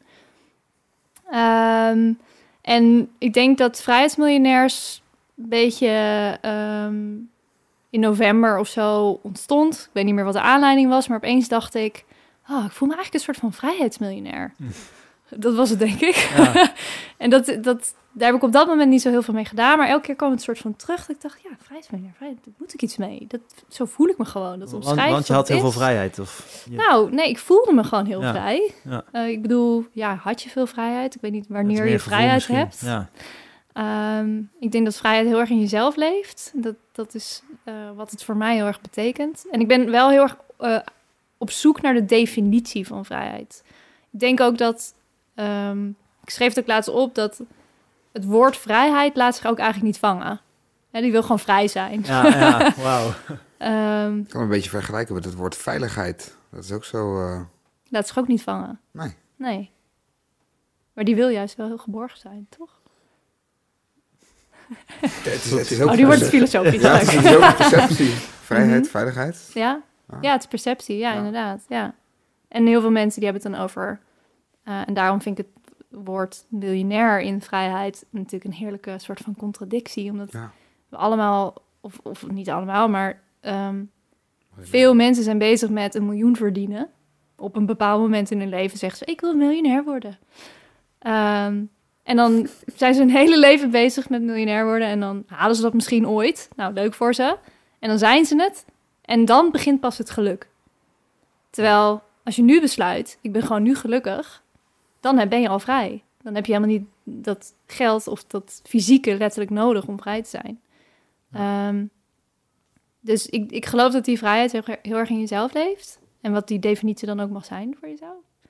Maar het is in ieder geval een soort van playground weer voor mezelf. Om eh, dat begrip te gaan onderzoeken en mee aan de slag te gaan. En heel erg mijn eigen persoonlijke reis daarin te delen. Dus dat ben ik gaan doen op YouTube. Daar hebben jullie al wat van gezien. Ja. Ehm, waar het huis bijvoorbeeld een belangrijk onderdeel van is. Maar ook juist die mindset heel belangrijk is. Ehm, Die mindset van de vrijheid voelen om de telefoon te pakken en de directeur van de Green School te bellen. Is Ja. dat wat je bedoelt? ja, dat is dan een heel, heel praktisch iets. Mhm. Ehm, Ook de vrijheid om te mogen en niet te moeten. ja. Ja, ik denk dat het voor mij heel erg gaat over mezelf toelaten om mezelf te zijn. Ja. Ik mag in mezelf mezelf zijn. Ja. En dat accepteren. En tuurlijk heb ik ook wel eens momenten waar we het al over hadden, dat je, dat je mind weer met je aan de haal gaat en eh, andere ideeën voor je heeft. Eh, maar jezelf dan weer even terug te fluiten en te zeggen, nee, je bent gewoon vrijheidsmiljonair. Of je hebt die geluksknop. Of, eh, Dus trek jij dan ook niet zoveel van aan wat anderen van je vinden? Kan je dat makkelijk naast je neerleggen? eh, ja, behalve van mijn moeder. Doet me onbewust toch altijd weer meer dan ik wil. Oh ja, en, en vindt ze veel van je, zeg ze maar? vindt heel veel van me, ja. Eh, wat allemaal uit liefde komt en wat ze heel goed bedoelt. En ze wil het beste voor me. Dus eh, ik zal, eh, mama, als je luistert, I love you. Eh, je wilt het vragen? Ja, wat, wat, wat vindt ze van je? Wat vindt ze van me? Ja, Eh, nou, er wordt altijd wel veel geduld thuis over wie ik ben. Ik, ik ben altijd wel... Er gebeurt altijd iets met mij. Als ik er ben, ik ben altijd met een project bezig. Of ben, ik sta nooit stil. En dat hebben mijn ouders natuurlijk mijn hele leven tot nu toe met mij ervaren. Ehm, en dat, dat vinden ze heel leuk. Maar dat is natuurlijk ook constant bijschakelen. En wat gebeurt er nu weer? En... eh, uh, dus dat heeft wel heel erg twee kanten. En ik denk dat ehm, bijvoorbeeld toen ik wilde beginnen met Green School naar Nederland halen, heb ik dat aan mijn moeder verteld. Omdat ik ook geloof dat moeders gewoon een hele goede graadmeter zijn. Überhaupt als je iets nieuws wil starten. Om het te snappen. Als je het je moeder vertelt en ze snapt het, dan zit je goed. en toen zei ze ook van, Jules, dit is echt een fantastisch idee. Ah. En dat was een van de eerste keren dat ze dat zei. Toen dacht ik ook, oké, als jij het zegt, dan zal het wel goed zijn. Niet dat ik haar goedkeuring zocht, maar ja. Stiekem Dat wel. was ja, wel lekker. stiekem. Ja, ja, ja, ja. ja. Ja. Ja. Wauw, mooi. En ze, ze, ze steunt je echt, zeg Ja, maar, ja, ja. eh, emotioneel ook. en- Zeker. En mentaal Ja. in dit project. Absoluut. Ja. Nou, gaaf. En verder kan je best wel goed afsluiten, afsluiten voor wat anderen van je vinden. Of dat, trek je... Ja, en daar heb ik ook wel een goede reden voor. Want als je namelijk ehm, mensen eh, hun mening zwaar laat meewegen in je eigen beslissingen, zij zitten niet op, op het eh, spoor waar jij op zit. Of zij zullen nooit dezelfde mindset hebben over het doel wat jij probeert te bereiken. Ze staan anders in het leven. Dus het is ook heel logisch dat zij bijvoorbeeld een heel slecht idee vinden of een beter idee hebben. Ehm, en ik heb ooit eens een keer een ondernemer, ik weet nou even niet meer wie, horen zeggen van... als ze je zeggen dat het een slecht idee is, dan bestaat het nog niet en is het het beste idee van de wereld. En dat zal echt niet altijd zo het geval zijn. Ehm, maar ik weet wel dat er altijd mensen om je heen zullen zijn die je ervan af zullen praten. En als je altijd naar dat soort mensen luistert, ja, dan gebeurt er niks. Dus ik probeer me juist altijd te verbinden aan de mensen die er ook in geloven. Omdat ik heel erg sterk altijd voel dat positiviteit positiviteit vermenigvuldigt. En andersom ook negativiteit negativiteit vermenigvuldigt. Eh, dus bijvoorbeeld in het Nauwscoops project, project hebben we op een gegeven moment met een club mensen gezeten... die ik vooral heel erg aan het uitleggen was wat we aan het doen waren. Ja. En toen Ja. dacht ik, dit gaat gewoon niet de goede kant op. Want zij snappen het niet. Terwijl als je met mensen praat die het snappen, dan ben je aan het bouwen. Ja. Ehm, dus ik laat me eigenlijk vooral niet beïnvloeden door mensen die het niet snappen of niet mee willen met mijn idee. En ik luister wel heel erg naar de mensen die eh, niet ja maar zeggen, maar ja en. Ja. Daar is heel belangrijk eh, met welke mensen je tijd doorbrengt. Dat, die kies, dat kies je dan ook heel bewust. Ja, En dat betekent waarschijnlijk dat je soms ook eh, een soort van moet snijden of een soort van moet afkappen of ja, duidelijke taal moet spreken. Ja. Vind je dat moeilijk? Eh, vind ik steeds minder moeilijk.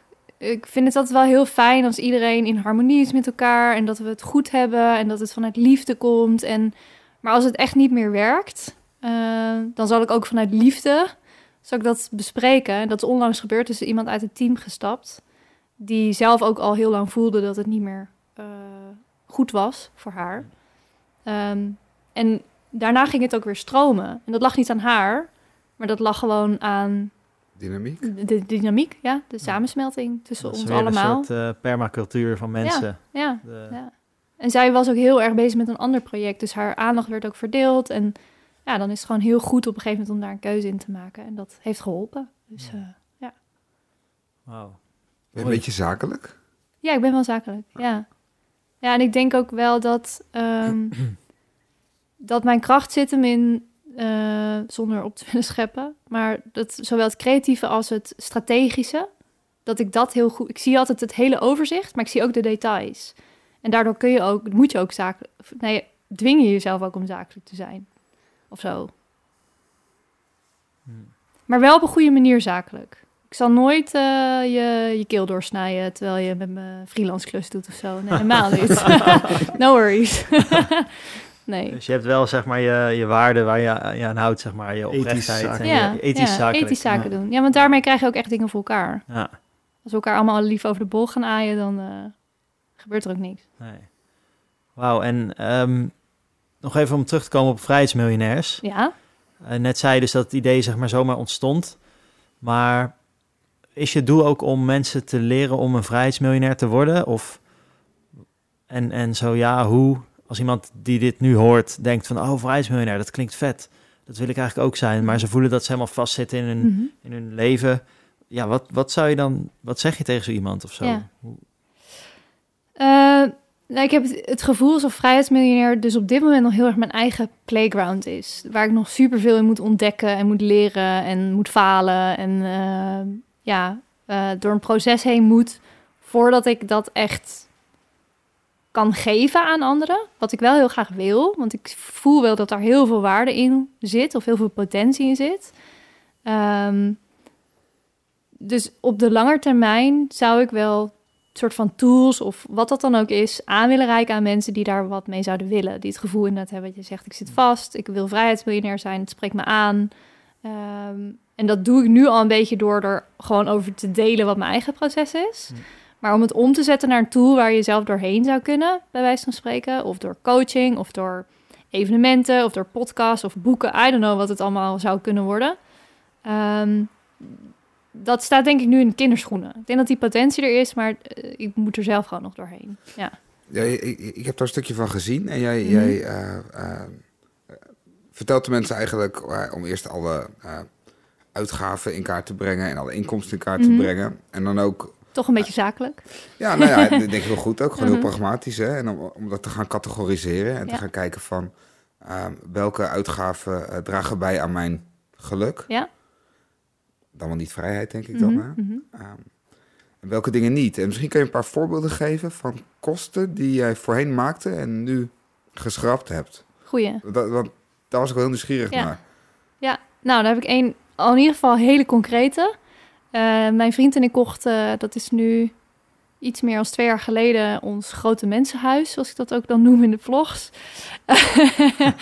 Eh, en dat was, eh, ja, dat was gewoon een, een, een vrijstaand huis met een grote tuin. En daar hadden we hard voor gewerkt. Het paste helemaal in het, eh, het plaatje van, eh, ja, waar je dan als je goed werk hebt en centen verdient op een gegeven moment naartoe groeit. Eh, dus ook wij kwamen daar terecht. En grappig genoeg hadden we bijna, eh, voordat we dat huis kochten, eh, op een camping een huis gekocht wat gelegaliseerd zou worden. Eh, maar dat ging op de een of andere manier niet door. We hadden een bod gedaan en het was geaccepteerd, maar dat werd toen weer ingetrokken. En nou, toen hadden we het huis niet. Dus toen zijn we naar dat grote mensenhuis gegaan. En dat was, nou ja, zeg maar de maximale hypotheek. We hadden allebei van onze ouders nog 5000 euro volgens mij geleend om net dat bedrag te halen. Gelukkig ook weer afbetaald. Ehm, maar ik voelde eigenlijk al heel snel in dat huis. Daar begon ook wel echt heel erg het proces. Eh, daar had ik het gevoel dat ik, dat ik niet meer dicht bij mezelf stond. En dat, dat ontstond al na drie weken in dat huis. De eerste drie weken was leuk en gezellig. En iedereen kwam op visite. En housewarming. En vuurtjes in de tuin. Op de trampoline springen. eh, open haartje aan. Gezellig. en na drie weken dacht ik, keek echt om me heen. Toen dacht ik, wow. Dit is gewoon niet... Dit draagt gewoon helemaal niet bij aan wie ik ben. Dit is niet mijn huis. Dit is niet ehm, wat bij mijn leven past. En de eye-opener daar was dat ehm, volgens mij heel belangrijk is dat je je thuis kiest bij de levensstijl die bij je past, in plaats van je levensstijl te moeten aanpassen aan het huis waar je woont. En dat is wel wat er voor mij daar gebeurde. Dus opeens moest ik geld verdienen. En als ondernemer deed ik het prima en het kon allemaal, maar ik dacht wel van ja, als ik nou eens gewoon een paar maanden achterover wil leunen en ik wil aan mijn passieproject werken, dan kan dat niet. Ehm, dus ik heb mijn vriend overgehaald om het huis te verkopen. Als we het dan hebben over kosten schrappen. Wa- Was het wel zijn huis? Voelde hij zich er wel helemaal Ja. disco? Ja, dus dat was, eh, als je het zeg maar hebt over ehm, hoe eh, standvastig ik kan zijn, was dat ook echt een moment dat het bijna onze relatie heeft gekost. Omdat hij daar heel graag, eh, of dacht heel graag toen, te wonen. Eh, hij had zoiets van, nou weet je, we gaan hier misschien een gezinnetje stichten en we gaan het huis leuk opknappen. Jaren maar eindelijk 30. het huis en dan wil jij na drie weken Ja. alweer weg. Dus het lag ook niet aan de buurt of aan het huis zelf. Het was Nou, gewoon puur... Het speelde ook wel een beetje mee, want het, aan de achterzijde lag en een eh, eh, spoorrails en een snelweg. Mhm. En ze hebben daar uiteindelijk wel geluidswal geplaatst. En aan de voorzijde lag ook nog best wel een drukke weg. Dus het voelde als een heel vrij huis. Maar als je dan er echt leeft, had, had je wel constant de herrie van de snelweg. En, ehm, maar dat was voor hem dus echt wel... flink- Voor ons beiden was het heel pijnlijk. Ja. Want het was een beetje zo van, ja... eh, of we gaan uit elkaar, maar dan moeten we ook het huis verkopen. Of de een moet de ander uitkopen. Maar ik vraag me af of dat financieel had gekund. Eh, en ben je dan happy, want dan zit je daar in je eentje. Dat huis wat je samen hebt gekocht. Eh, of, of we stappen samen uit het huis en we gaan een nieuw plan maken. En ik ben hem echt enorm dankbaar dat hij met me mee is gegaan. Want ook hij gaat door een enorm proces en is dingen aan het loslaten over wie je bent als, of wat je identiteit is. Eh, eh, ik hoop niet dat hij het vervelend vindt dat ik het zeg, maar het voelde voor hem een beetje alsof het fundament onder hem vandaan was gezaagd door mij. Omdat ik dat huis niet meer in onze identiteit vond, of mijn identiteit vond passen. Ja. Ehm, en uiteindelijk zijn we er heel goed uitgekomen. En nu staan we er heel erg hetzelfde in. Dus we kozen ervoor om ons grote huis te verruilen voor een klein huis. En eh, beleven boven, verzit, bezit, boven bezit te verkiezen. Eh, en weer de dingen te gaan doen die we altijd al heel belangrijk vonden. Maar die door dat huis eh, nog wel konden, maar wat niet, ja, het voelde gewoon niet goed. Ja. Hm. ja. Dus dat was een enorme kostenbesparing. Zo zijn er natuurlijk nog wel meer. Maar dus hij was misschien meer op zoek naar stabiliteit dan? Ja. Maar is het niet zo dat, ehm, ik, ik weet er niet zoveel van, maar dat meestal de huur van een huis hoger is dan het terugbetalen van je hypotheek? Dus dat het huren uiteindelijk duurder is dan Klopt. kopen? Tenminste, als je zeg maar Amsterdam een grachtenpand huurt, eh, of überhaupt in Amsterdam of in het centrum, in welke stad dan ook, dan is de huur heel duur. Ja, Ehm, dus dan, ja, het is, het is een beetje appels met peren, denk ik. Een beetje vergelijken, omdat het afhangt van wat je huurbedrag is en wat dus je hypotheekbedrag is. of je moet kijken naar alternatieve huur. eh, Ja, zoals bijvoorbeeld anti-kraak Ja. is natuurlijk echt wel ja, dan heb je echt. wezenlijk goedkoper. Ik woon nu eh anti-kraak, Ja. ja. dat is eh, heel goedkoop. Big smile. Ja. Zo chill dat dat soort alternatieven er zijn, toch? ja, zeker. Ik bedoel, waarom zou je godsnaam meer betalen voor je huis? Ja. Want ik denk ook dat als je, tenminste dat past dan weer bij je leefstijl, als je niet per se heel veel thuis bent en je bent veel pad, podcast maken, weet ik veel, naar Engeland reizen. Ja. Ehm, wat voor een rol speelt dan ook een huis in je leven? Dan is het fijn dat het een veilige thuishaven is, maar Fijn dat het een dak heeft. fijn dat het het ook heeft. dat je de douche met twintig man moet delen. ja, wel een gat in Ja, het dak, maar Ja, ik heb mijn bed gewoon niet onder het gat, onder het gat gezet. parapluutje boven mijn bed. Ja, Uh, maar nee, ons tijdelijke huis nu, want we hebben een overbrugging uh, natuurlijk omdat we ons huis hebben verkocht, was ook anti-kraak. En uh, ja, ik, ik, denk dat er zoveel meer mogelijkheden zijn dan alleen maar in zo'n duur hypotheekhuis te gaan zitten. En dat is wel ja, wat soort van mensen automatisch doen en ik ook automatisch heb gedaan. Op een gegeven moment ben je gewoon uitgehuurd en je gaat een huis kopen. Ja, dat doe je. en dan kom je weer uit bij het systeem Ja, van onderwijs, van klaar, alles. werken, Ja. huis kopen, Ja. kist. Kist, ja. En weer overnieuw. Onder de zolen, ja. En weer overnieuw, inderdaad. Ja, die is mooi. Ja, ja, ja. ja, heel goed. Bij Die moet je nog even toevoegen. Ja. Ja, oké, en dus dat is één voorbeeld. ja. Ehm, wil je nog andere kostenbesparingen? Ja, een, Ja? een kleine. Kleine? Een kleine die, die, ik kan die, wel die, een die kleintje veel, mensen zich eh, in herkennen. Er zijn Ja. genoeg mensen die, die huren en die niet iets kunnen verkopen Ja. natuurlijk.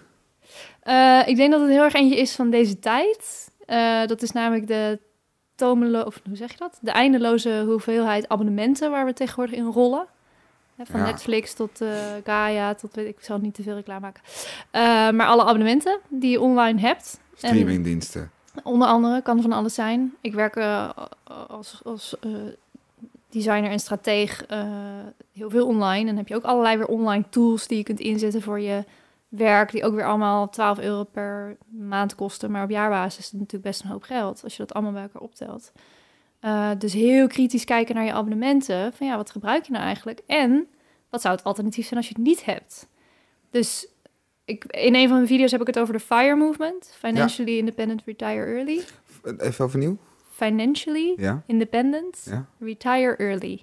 Kijk, dat wordt allemaal. Eh, ja, Dat klinkt goed. komt uit Amerika. Ja.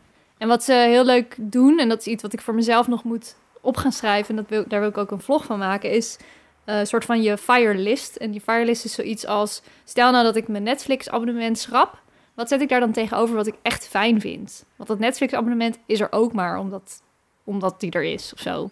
Hm. Maar dient het echt mij als mens? Word ik er blijer, gelukkiger, beter van?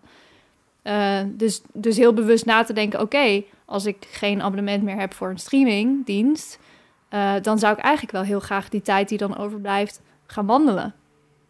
Dus je zet er ook meteen iets tegenover, maar waarmee je jezelf beloont voor iets wat je veel fijner vindt. Ehm, waardoor het dus ook helemaal niet erg is om. Ja, waardoor je waarschijnlijk na twee weken denkt: ook mis het helemaal niet. En dat is een kwestie van experimenteren. Maar Ik heb gewoon een accountje van iemand anders. ik zit ook in een familie. eh, die heb ik dan weer wel. Ja, Dat is dan één onderdeel van, het, van, het, van de FIRE Ja, movement of de FIRE, ja, fire movement. De FIRE ja. movement. En, en wat zijn nog meer onderdelen daar, daarvan? Eh, lage ehm, leefkosten. Mhm. Dus dat kan op allerlei gebieden zijn. Van je telefoonrekening tot je zorgverzekering, tot eten, tot eh, reizen, tot je huis, leuke dingen doen. Dus mijn vriend en ik hebben bijvoorbeeld ehm, voor alle dingen in ons leven, dit klinkt echt heel overdreven, maar we hebben voor alle dingen een rekening. Dus we hebben bijvoorbeeld een rekening voor alle flexdingen, zoals boodschappen. En daar hebben we dan wel een bepaald bedrag op staan per maand. Ik kan er nog wel zo wat over zeggen, ook hoe dat werkt. Ehm, en we hebben bijvoorbeeld een rekening voor vaste lasten. Gewoon alles wat er elke maand hetzelfde bedrag wordt afgeschreven. Hoef ook niet naar te kijken. We hebben een rekening voor vakantie. We hebben een rekening voor leuke dingen. Dus bijvoorbeeld een keer uit eten in Nederland. Of, Gewoon eh, echt daadwerkelijke bankrekeningen. ja, dus echt een andere pas. Van Ja. Bunk zeker. Eh, nee, ik zou geen reclame maken voor de bank. Nee, niet van Bunk. Nee. Ehm, maar het idee daarvan is dat als je geld binnenkomt aan het begin van de maand of, eh, of aan het einde van de maand, als je loon wordt uitbetaald of als je als freelancer werkt, hoop ik ook dat je jezelf salaris uitbetaalt. Dat is gewoon een fijn systeem. Ehm, maar dan is het vaak zo dat alles op één rekening belandt. En dan werkt het een beetje als een tube tandpasta, dat je aan het begin van de maand eh, ben je lekker royaal eh tandpasta aan het gebruiken. Maar die tandpasta tube die rijdt leeg. En aan het einde van de maand knip je hem open en dan zit je nog met je tandenborstel zo aan de binnenkant. Ja. Tenminste, dat ik altijd. Ah, dat, dat, zo eentje ben ik er ook. Ja, ja. Dus door je geld heel erg eh, inzichtelijk te maken en, en te verdelen over rekeningen. En ook te zeggen, dit is een tube tandpasta voor dat en dit is een tube tandpasta voor dat. ehm, ga je zien dat je juist geld overhoudt. Voor elke tand een eigen tube.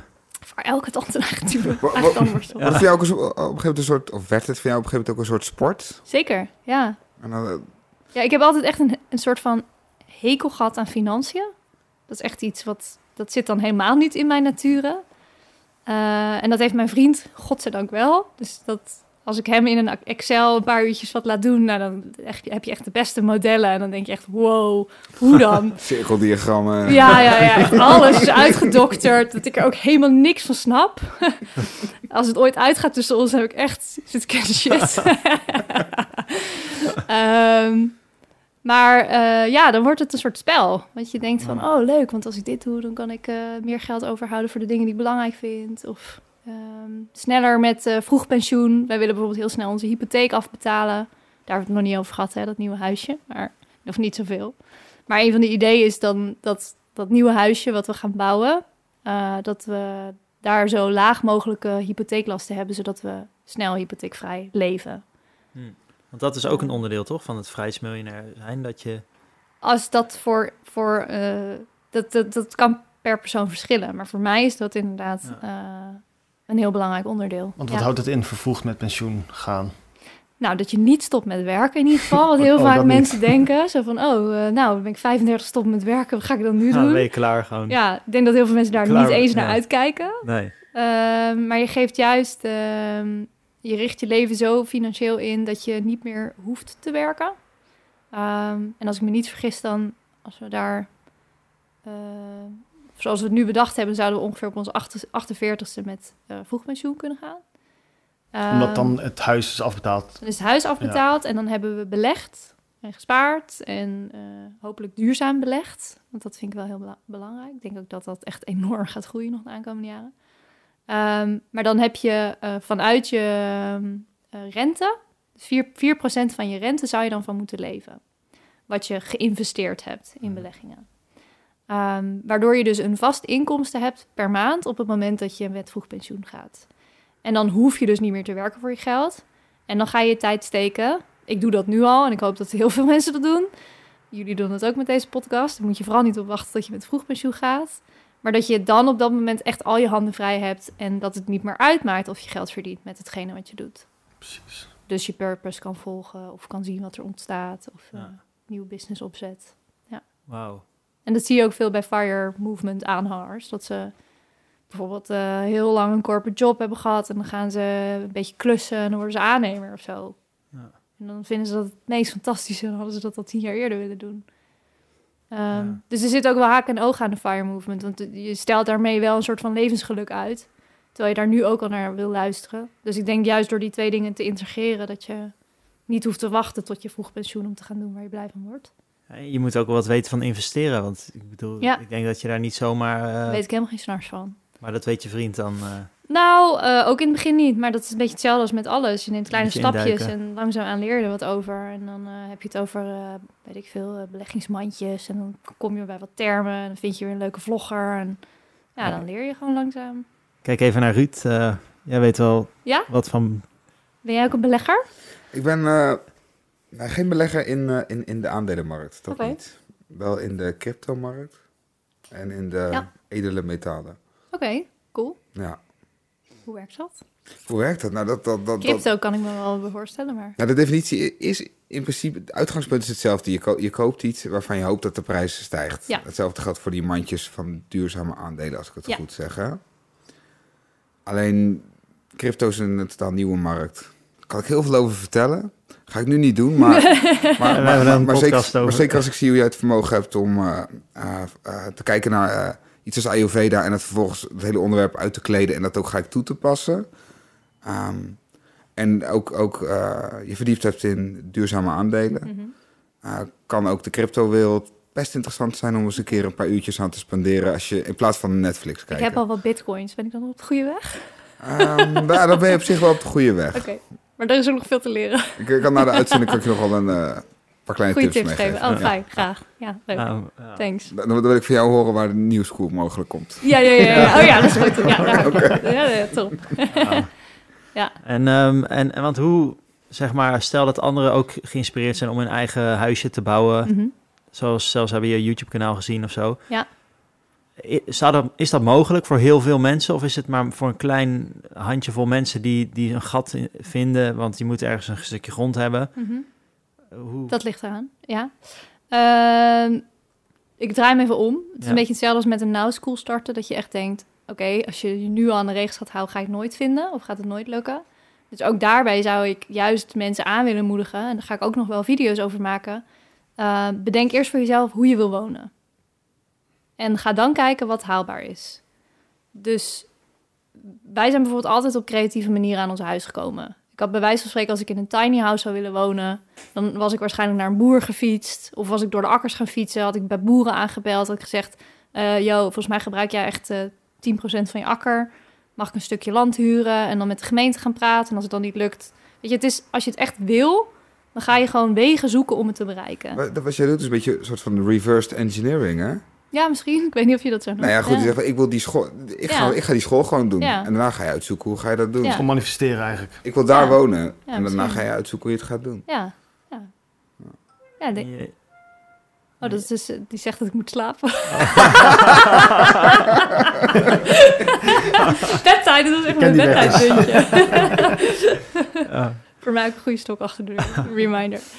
Eh, nee, ja, maar inderdaad. Ja, ik denk het ook. Reverse engineering, manifesteren. Ehm, want er zijn namelijk altijd honderdduizend redenen waarom je iets niet zou doen. Of eh, waarom je niet in een tiny house zou kunnen wonen. Of wat voor een huis dan ook zou kunnen wonen. Mhm.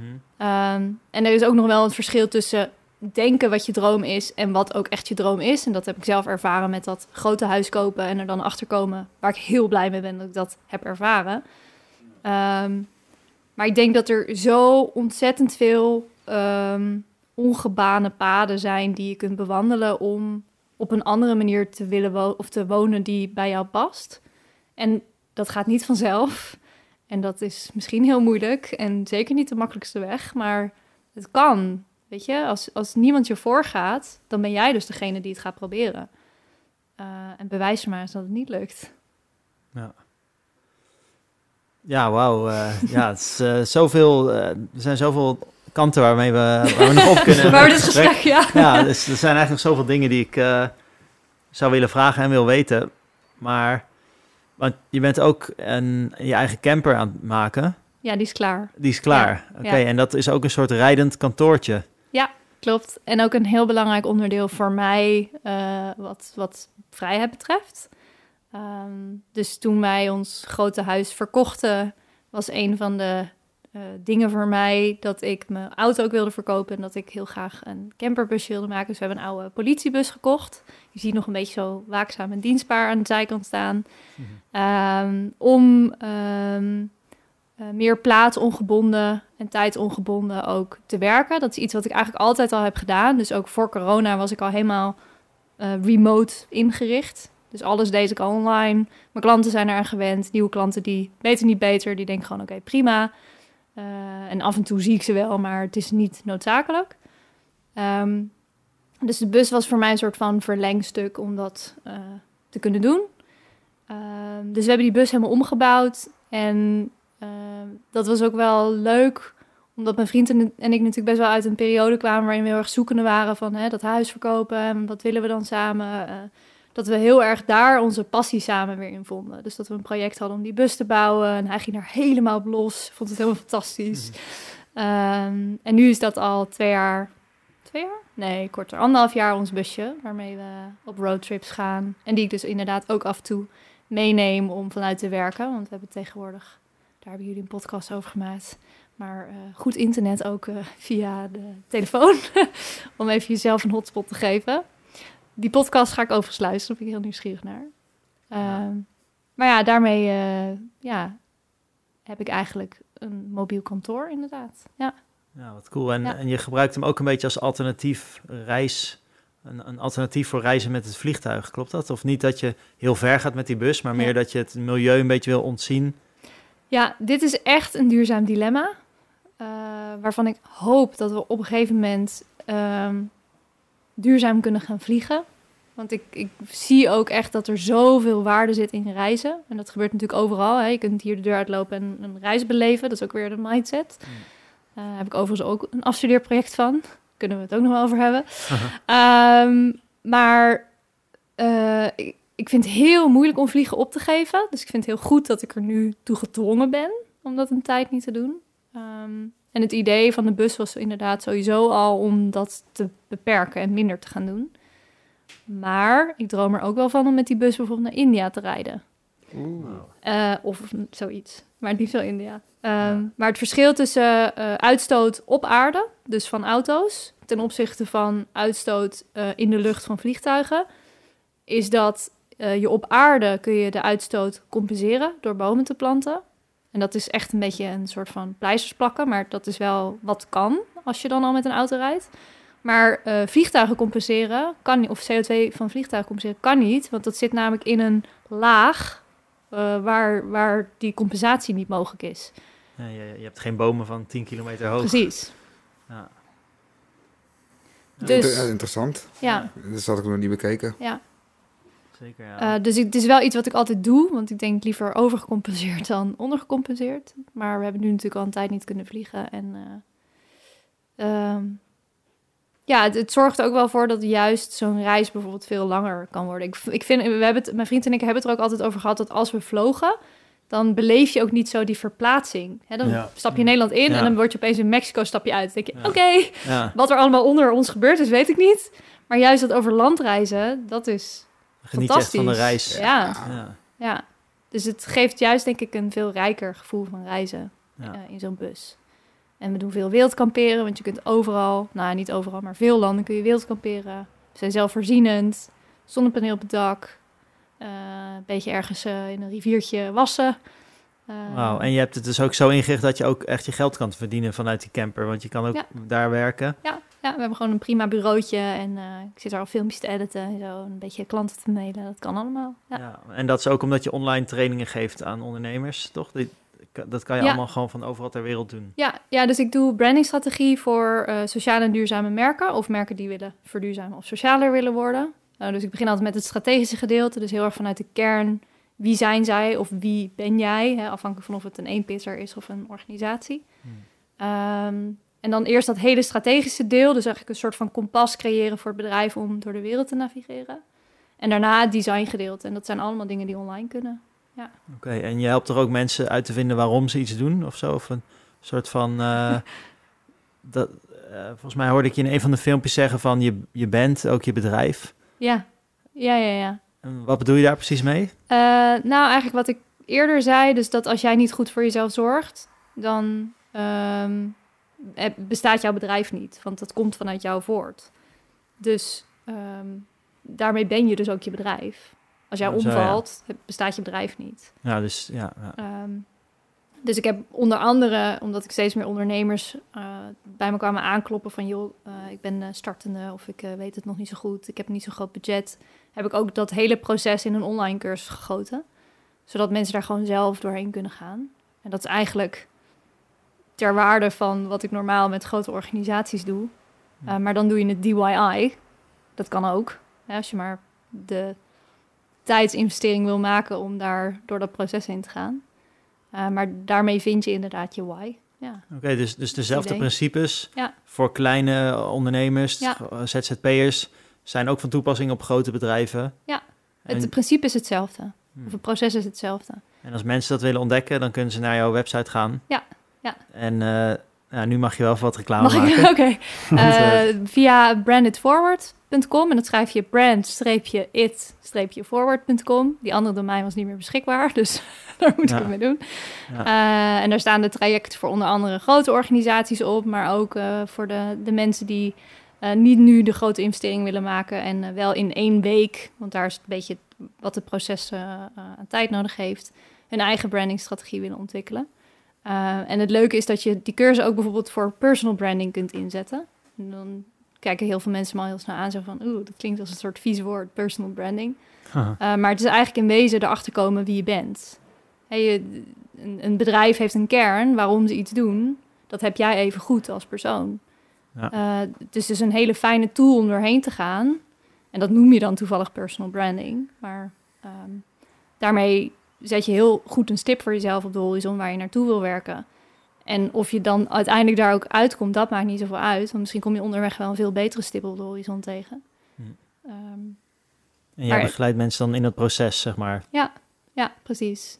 Dus eigenlijk is ehm, de anatomie van een merk is bijna de, hetzelfde als de anatomie van een mens. soort van. Wauw. Ja, een soort van, je, je hebt heel veel met purpose ook, toch? Dat je mensen helpt hun purpose te vinden. En, en je bedrijf daarop aan te passen of zo? Of, Ja, er verandert natuurlijk. Als je aan knoppen aan de binnenkant gaat draaien in jezelf, verandert er ook heel veel aan de buitenkant. Hè? By changing your inner world, you change your outer world. Dus dat heeft sowieso een, geeft sowieso een verandering als je met de binnenwereld aan de slag gaat. en dat, en dat, daar help je mensen bij, omdat... Ja. Want ik denk dat sommigen die horen het woord binnenwereld en denken, huh, wat is dat? Nou ja, dingen die je op school verloren bent. Van wie ben je nou en wat wil je in de wereld? Wat hoop je te bereiken? Wat is je purpose?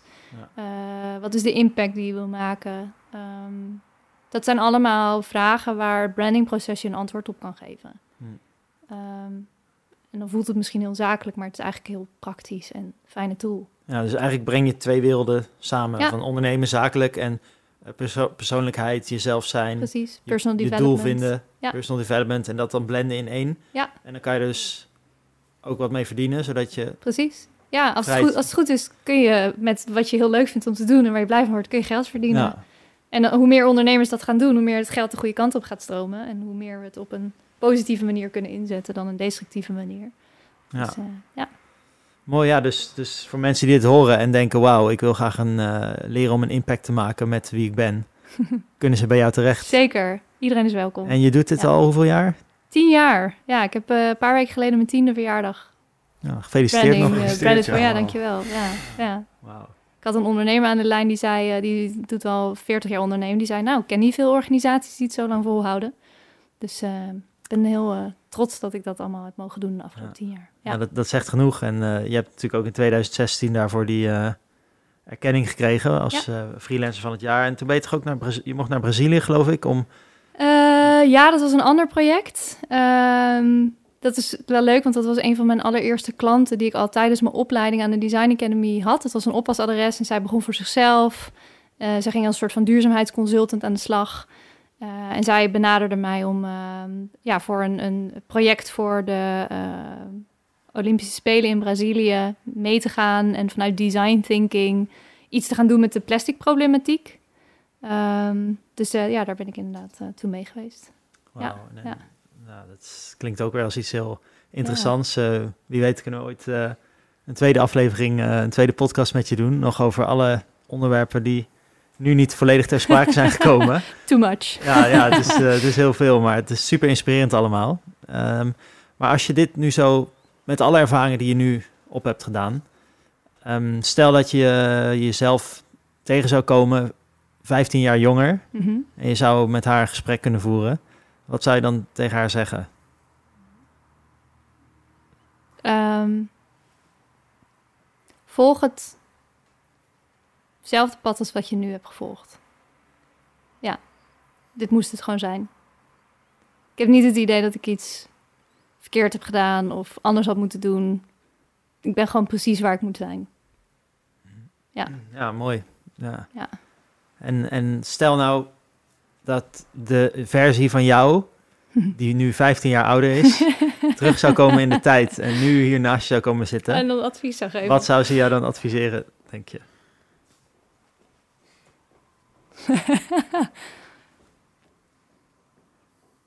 Mm.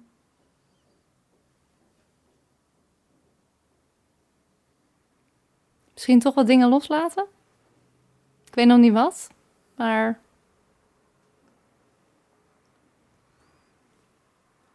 Ja, of, of hetzelfde advies als aan de jongeren. Ik, ja, gewoon het pad, het pad volgen wat je volgt. Dat, dat is goed. Ja. Ja. ja, dat denk ik toch. Ja, gewoon doorgaan. Ja, mooi. Heb je wel eens het gevoel dat dat, dat dat kan? Alsof er een toekomstige versie van jou is die dan zich omdraait en zegt je kan het of zo? Eh, ja, ik voel altijd wel heel erg de potentie van, maar, bij iedereen, niet alleen bij mezelf, van wat iemand zou kunnen worden als je het toelaat. Dus, dus zeker een soort van toekomstige versie die op me staat te wachten eh, bij de eindstreep die er niet is, maar eh, hè, die, die eh, Ja, zegt van, hé, hey, hier is het. ja precies. op. Je, je Ja, ziet zeg maar gewoon wat Ja. iets kan zijn, terwijl het nog niet is. Precies, ja. En, en ben je wel eens bang? Nee, niet vaak, sorry. Nee, Wauw. nee. nee eigenlijk Nooit, niet vaak. nooit, ook, ook niet, nooit geweest gewoon. Nee, ja, dan ga ik zeggen van, oh ja, als ik op het midden van een meer zwem dan, en ik kijk onder me, dan vind ik het toch wel een beetje diep of zo, dat water. Maar dat is echt het enige. Nee, ja, echt, nee, Ja. nee. Nee, ik denk dat dat ook wel eh, eh, fijn is dat ik dat heb. Anders zou ik denk ik ook niet zo ver komen met de dingen die ik doe. Wauw. Ja, mooi. Sorry, ik had eh. je een ander antwoord willen geven. Nee, nee, nee. Dit is, dit is Nee. gewoon het antwoord. Ja. En, eh, en wat, wat is de toekomst eh, van de wereld volgens jou? Je zei al dat je eigenlijk geen kinderen wilde, omdat je, Mhm. het- ja, als de temperatuur van de aarde twee graden opwarmt, had je het over, Mhm. dan gaat het mis. Ja. Maar wa- waar gaat het heen volgens jou met de wereld? Ehm, nou, als ik mag dromen, dan hoop ik dat we naar een soort van regenererende maatschappij gaan. Dus dat we. Eh, je hebt zo'n mooi plaatje van eh, een cirkel met dieren en dan staat de mens centraal. Ik weet niet of jullie dat dingetje kennen. eh, of een soort infographic. En dan de tweede is, dat is dan zeg maar ego. En dan de tweede is dat de mens zeg maar in de cirkel staat met de dieren. Dat is dan eco. Ehm, ik hoop heel erg dat wij gaan inzien dat we zelf de problemen veroorzaken. En dat zie je gelukkig steeds meer. En kinderen voelen dat heel goed aan. En gelukkig ook steeds meer ondernemers en steeds meer mensen die voelen van het moet anders. We vinden het alleen nog heel moeilijk om dan te zien wat er moet gebeuren. Hè, om in dat grotere geheel ook weer op detailniveau te kijken. En dat is echt heel complex. Dus ik snap ook dat dat ingewikkeld is. Maar ik, ik zie wel een wereld voor me waarin we weer onderdeel worden van dat ecosysteem. Omdat we inzien dat als we dat niet doen, eh, dat we alleen maar onszelf daarmee hebben. We kunnen allemaal blijven ondernemen en, en slechte dingen doen voor de aarde, maar op lange termijn bestaat je bedrijf dan gewoon niet meer. Want als de aarde opwarmt en we verbranden hier allemaal leven met z'n allen, eh, excuse my words, want zo, zo erg ga- gaat het vast nooit worden. Maar Ja. Ehm, ja, we worden wel steeds meer met de neus op de feiten gedrukt. Dus ik, ik hoop dat de mens het waard vindt om zichzelf, ego- egoïstisch genoeg is om zichzelf te redden. Oké. Soort van. Ja. Want als we dat gaan inzien, ehm, Dat- dan moeten we wel voor de aarde gaan zorgen. Ja. Hè, zonder de natuur is er geen toekomst. Dus we moeten daar weer onderdeel van worden. En ik, ik hoop heel erg, of ik zie een beeld voor me. Als ik dan mijn ogen dicht doe, dan is dat hetgeen wat ik zie. Je, ziet de potentie. Ik zie wederom de potentie. Ja. Ja, ja. Maar, en, en gaan, we het, ja gaan we het redden? Tuurlijk. Wordt- ja. tuurlijk. Hey, positiviteit trekt Ja, nee, positiviteit zeker, aan, hè? zeker, zeker. Ja. En, en hoe is volgens jou, heeft jou, jouw visie eigenlijk, waar we het nu Mhm. net over hebben gehad, hoe zie jij, hoe zie jij dat dat bijdraagt daaraan? Ehm, nou ja, ik hoop natuurlijk altijd dat, zeker met Now School, dat dat zo'n wezenlijk verschil gaat maken in het alleen al het Nederlandse onderwijssysteem. Want dan hebben we echt een hele kluif te pakken die belangrijk is. Ehm, laat staan op wereldniveau, maar ik denk dat er in heel veel landen heel veel hele mooie initiatieven zijn die hiermee bezig, mee bezig zijn. Er zit zoveel in de onderstroom, alleen al in het stukje onderwijs. Ehm, ja, dat ik heel erg hoop dat er op lokaal niveau echt een impact wordt gemaakt, maar ook op eh, groter niveau, omdat dat weer doorstroomt. Dus een van de ideeën van Now School is dat wij, we zouden het heel zonde vinden om ons hele proces zelf door te maken en er dan vervolgens niks mee te doen. Dat zou echt heel zonde zijn. Ja. Dus we willen het eigenlijk ook documenteren op een bepaald moment, hoe wij door dat proces zijn gaan, wat de stappen zijn die wij zien die werken, om ook weer drie andere scholen te helpen om te starten. Ja. Eh, en dan heb je paid forward principe. Misschien kennen jullie die film nog van vroeger, van dat jongetje die drie mensen hielp en die drie mensen hielpen dan ook allemaal weer drie mensen, waardoor je een soort van vermenigvuldiging, een soort piramide. een soort piramide, maar dan heel positief. Ja. En zo zou je dat ook met scholen kunnen doen. Of in je eigen omgeving. Hè? Gewoon mensen in je omgeving gaan helpen. Dus op die manier is het een soort eh, lopend vuurtje, een Ja. soort Ja, het, het verspreidt zich dan heel exponentieel snel. effect. Ja, exact. Ja. Wauw, dat is een beetje is zo'n verhaal van zo'n eh, schaakbord met een rijstkorrel op één, op één eh, vierkantje. Ja. En dan zegt iemand van ik wil graag eh, een exponentieel rijstkorrel op elk vierkantje van het schaakbord. En dan uiteindelijk komt hij bij het 64ste eh, vierkantje en dan is het Past gewoon bijna alle rijst, nou, echt duizenden, duizenden kilo's rijst. dat is zeg maar exponentieel. Ja, ja, ja, En die denkt, wat zo weinig rijst, weet je wel. Dus dat, ja.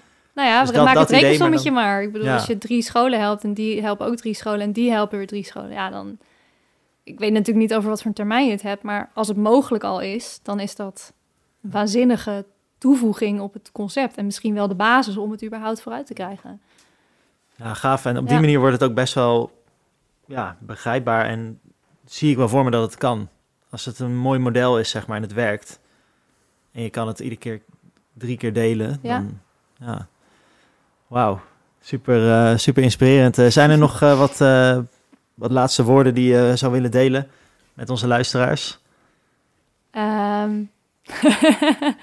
nou, ik heb nog wel een leuk nieuwtje voor jullie. Oké. Eh, primeur in de podcast. Die ik dus nu ook kan zeggen, omdat ik weet wanneer die online komt. Kijk. Ehm, maar ik ben duurzame jonge 100 eh, van 2020. Heb ik net te horen gekregen. En dat mag ik Oh. 2 juli pas bekendmaken. Maar dat is niet alleen ik, maar dat zijn dus 100 ondernemers die onder de 33 zijn, uit mijn hoofd. Eh, die een jaar lang ook gesupport worden om ehm, hun plannen zeg maar, van de grond te krijgen. Gefeliciteerd. Wauw, Dankjewel. ja, gefeliciteerd. Nice. Dus Want ik je hoop... bent 32 of 31? Ja, 32. Ja, ik Ja. zit echt net Applaus, tegen de ja. 33. Ja, dank je. Dat was echt last minute. Als Ja. ik het na dit jaar niet had ingeschreven, had ik niet meer mee kunnen doen. Eh, maar dat, ik verwacht dat daar, en dat zie ik nu al, want ik sta dus al op die site voor, dat was dan de stemming, ehm, dat er heel veel mooie dingen uitkomen. Dus ik Ja. eh, hoop ook dat bijvoorbeeld momenten als dit, waarin ik van jullie heel lief een podium krijg, waar ik ontzettend dankbaar voor ben om een verhaal te vertellen, dat dat ook weer bijdraagt aan een stapje vooruit. Hè. Dit zijn al die kleine stapjes, dit is er ook weer één, om Now School eh, van de grond te krijgen. Dus ehm, ja, ik hoop dat iedereen die luistert denkt, ik wil onderdeel worden van die community. Ja. Of welke community dan ook, Vrijheidsmiljonairs of uh, Now School. Gaaf. Zou je, en, En, zou je eh, nog één keer de website van Now School willen noemen? Voor ja, mensen ja, dat is now-school.com. Ah, kijk, daar kunnen mensen dus naartoe als ze meer willen weten Ja. over dit fantastische project. En eh, ja, gefeliciteerd met deze, Dankjewel. Ja. hoe heet het? 100? Duurzame jonge 100. Duurzame jonge Ja, 100. ja, ja. Kijk, weer eentje voor... Weer eentje voor het lijstje. Ja. ja. Haard. Spaar ze Ja. allemaal. ja. ja. Ja. Nee, maar ik vond het echt heel, eh, heel leuk. Ik ben ook eh, blij met alle toffe vragen die jullie hadden. Ja, en dit mooi. was mijn eerste podcast, dus ik kan niet wachten tot alle volgende die ook gaan komen. Ja, ja, nou ja, ik, eh, wij zijn ook enorm blij met alle mooie, vra- mooie antwoorden die je hebt gegeven. Ik ben heel erg geïnspireerd. Ik eh, denk dat ik als ik thuis ben even wat lijstjes ga maken om te kijken welke De uitgaven hele avond ik... op je eh, geluksknop drukken. ja, de geluksknop even een paar plekken drukken in mijn lichaam. Kijken waar ik geluk voel. en eh, ja, ik eh, wil je bedanken. Ik kijk even naar eh Allen en Ruud. Ja, ik, ik ben geïnspireerd. Ja? En ik, eh, ik wil graag dat mijn zoon naar die school gaat. Ik, we, we ontmoeten hem graag. Nou, ik heb hem natuurlijk al ontmoet, maar we, ja, graag. Word Nee, er onderdeel ik- van. En ik zou, ik zou het ook heel erg leuk vinden om... ja, wanneer jullie daar klaar voor zijn om mee te gaan in een soort mailinglist... om te kijken hoe, hoe die... Ja. eh, Je kan die- je nu al aanmelden. Dat kan al? Ja, we hebben vorige week al een meet-up gehad online met ouders. Oké. En er gaan er zeker meer komen. Dus ja, eh, nou, ik meld je down. aan. Ja, zeker. Dus eh, nou, voor de mensen die luisteren, je kan je dus nu al aanmelden. Waar kan dat? Uh, now-school.com. Hier hebben we hem. Dankjewel. Tijd om aan te melden. En Ja, dankjewel. Super geïnspireerd. Tof. Ik ga nog even naluisteren ook. Ja, ging alle kanten op. Helemaal overwhelmed, over joh. it. Ja, ook niet open. Veel informatie. Ja, Ja. Volgende keer doen we gewoon per onderwerp. Dat is misschien Precies. best. ja. ja, nou ja, dankjewel Juliette. We, ja, we hopen je nog een keertje terug te zien in de toekomst. En we Yes. zijn eh, heel benieuwd hoe het, eh, ja, hoe het zal gaan. En eh, ook alle luisteraars, we hopen dat ze jou eh, gaan supporten. Dus ehm, ja, dank jullie wel voor het luisteren. En tot de volgende aflevering.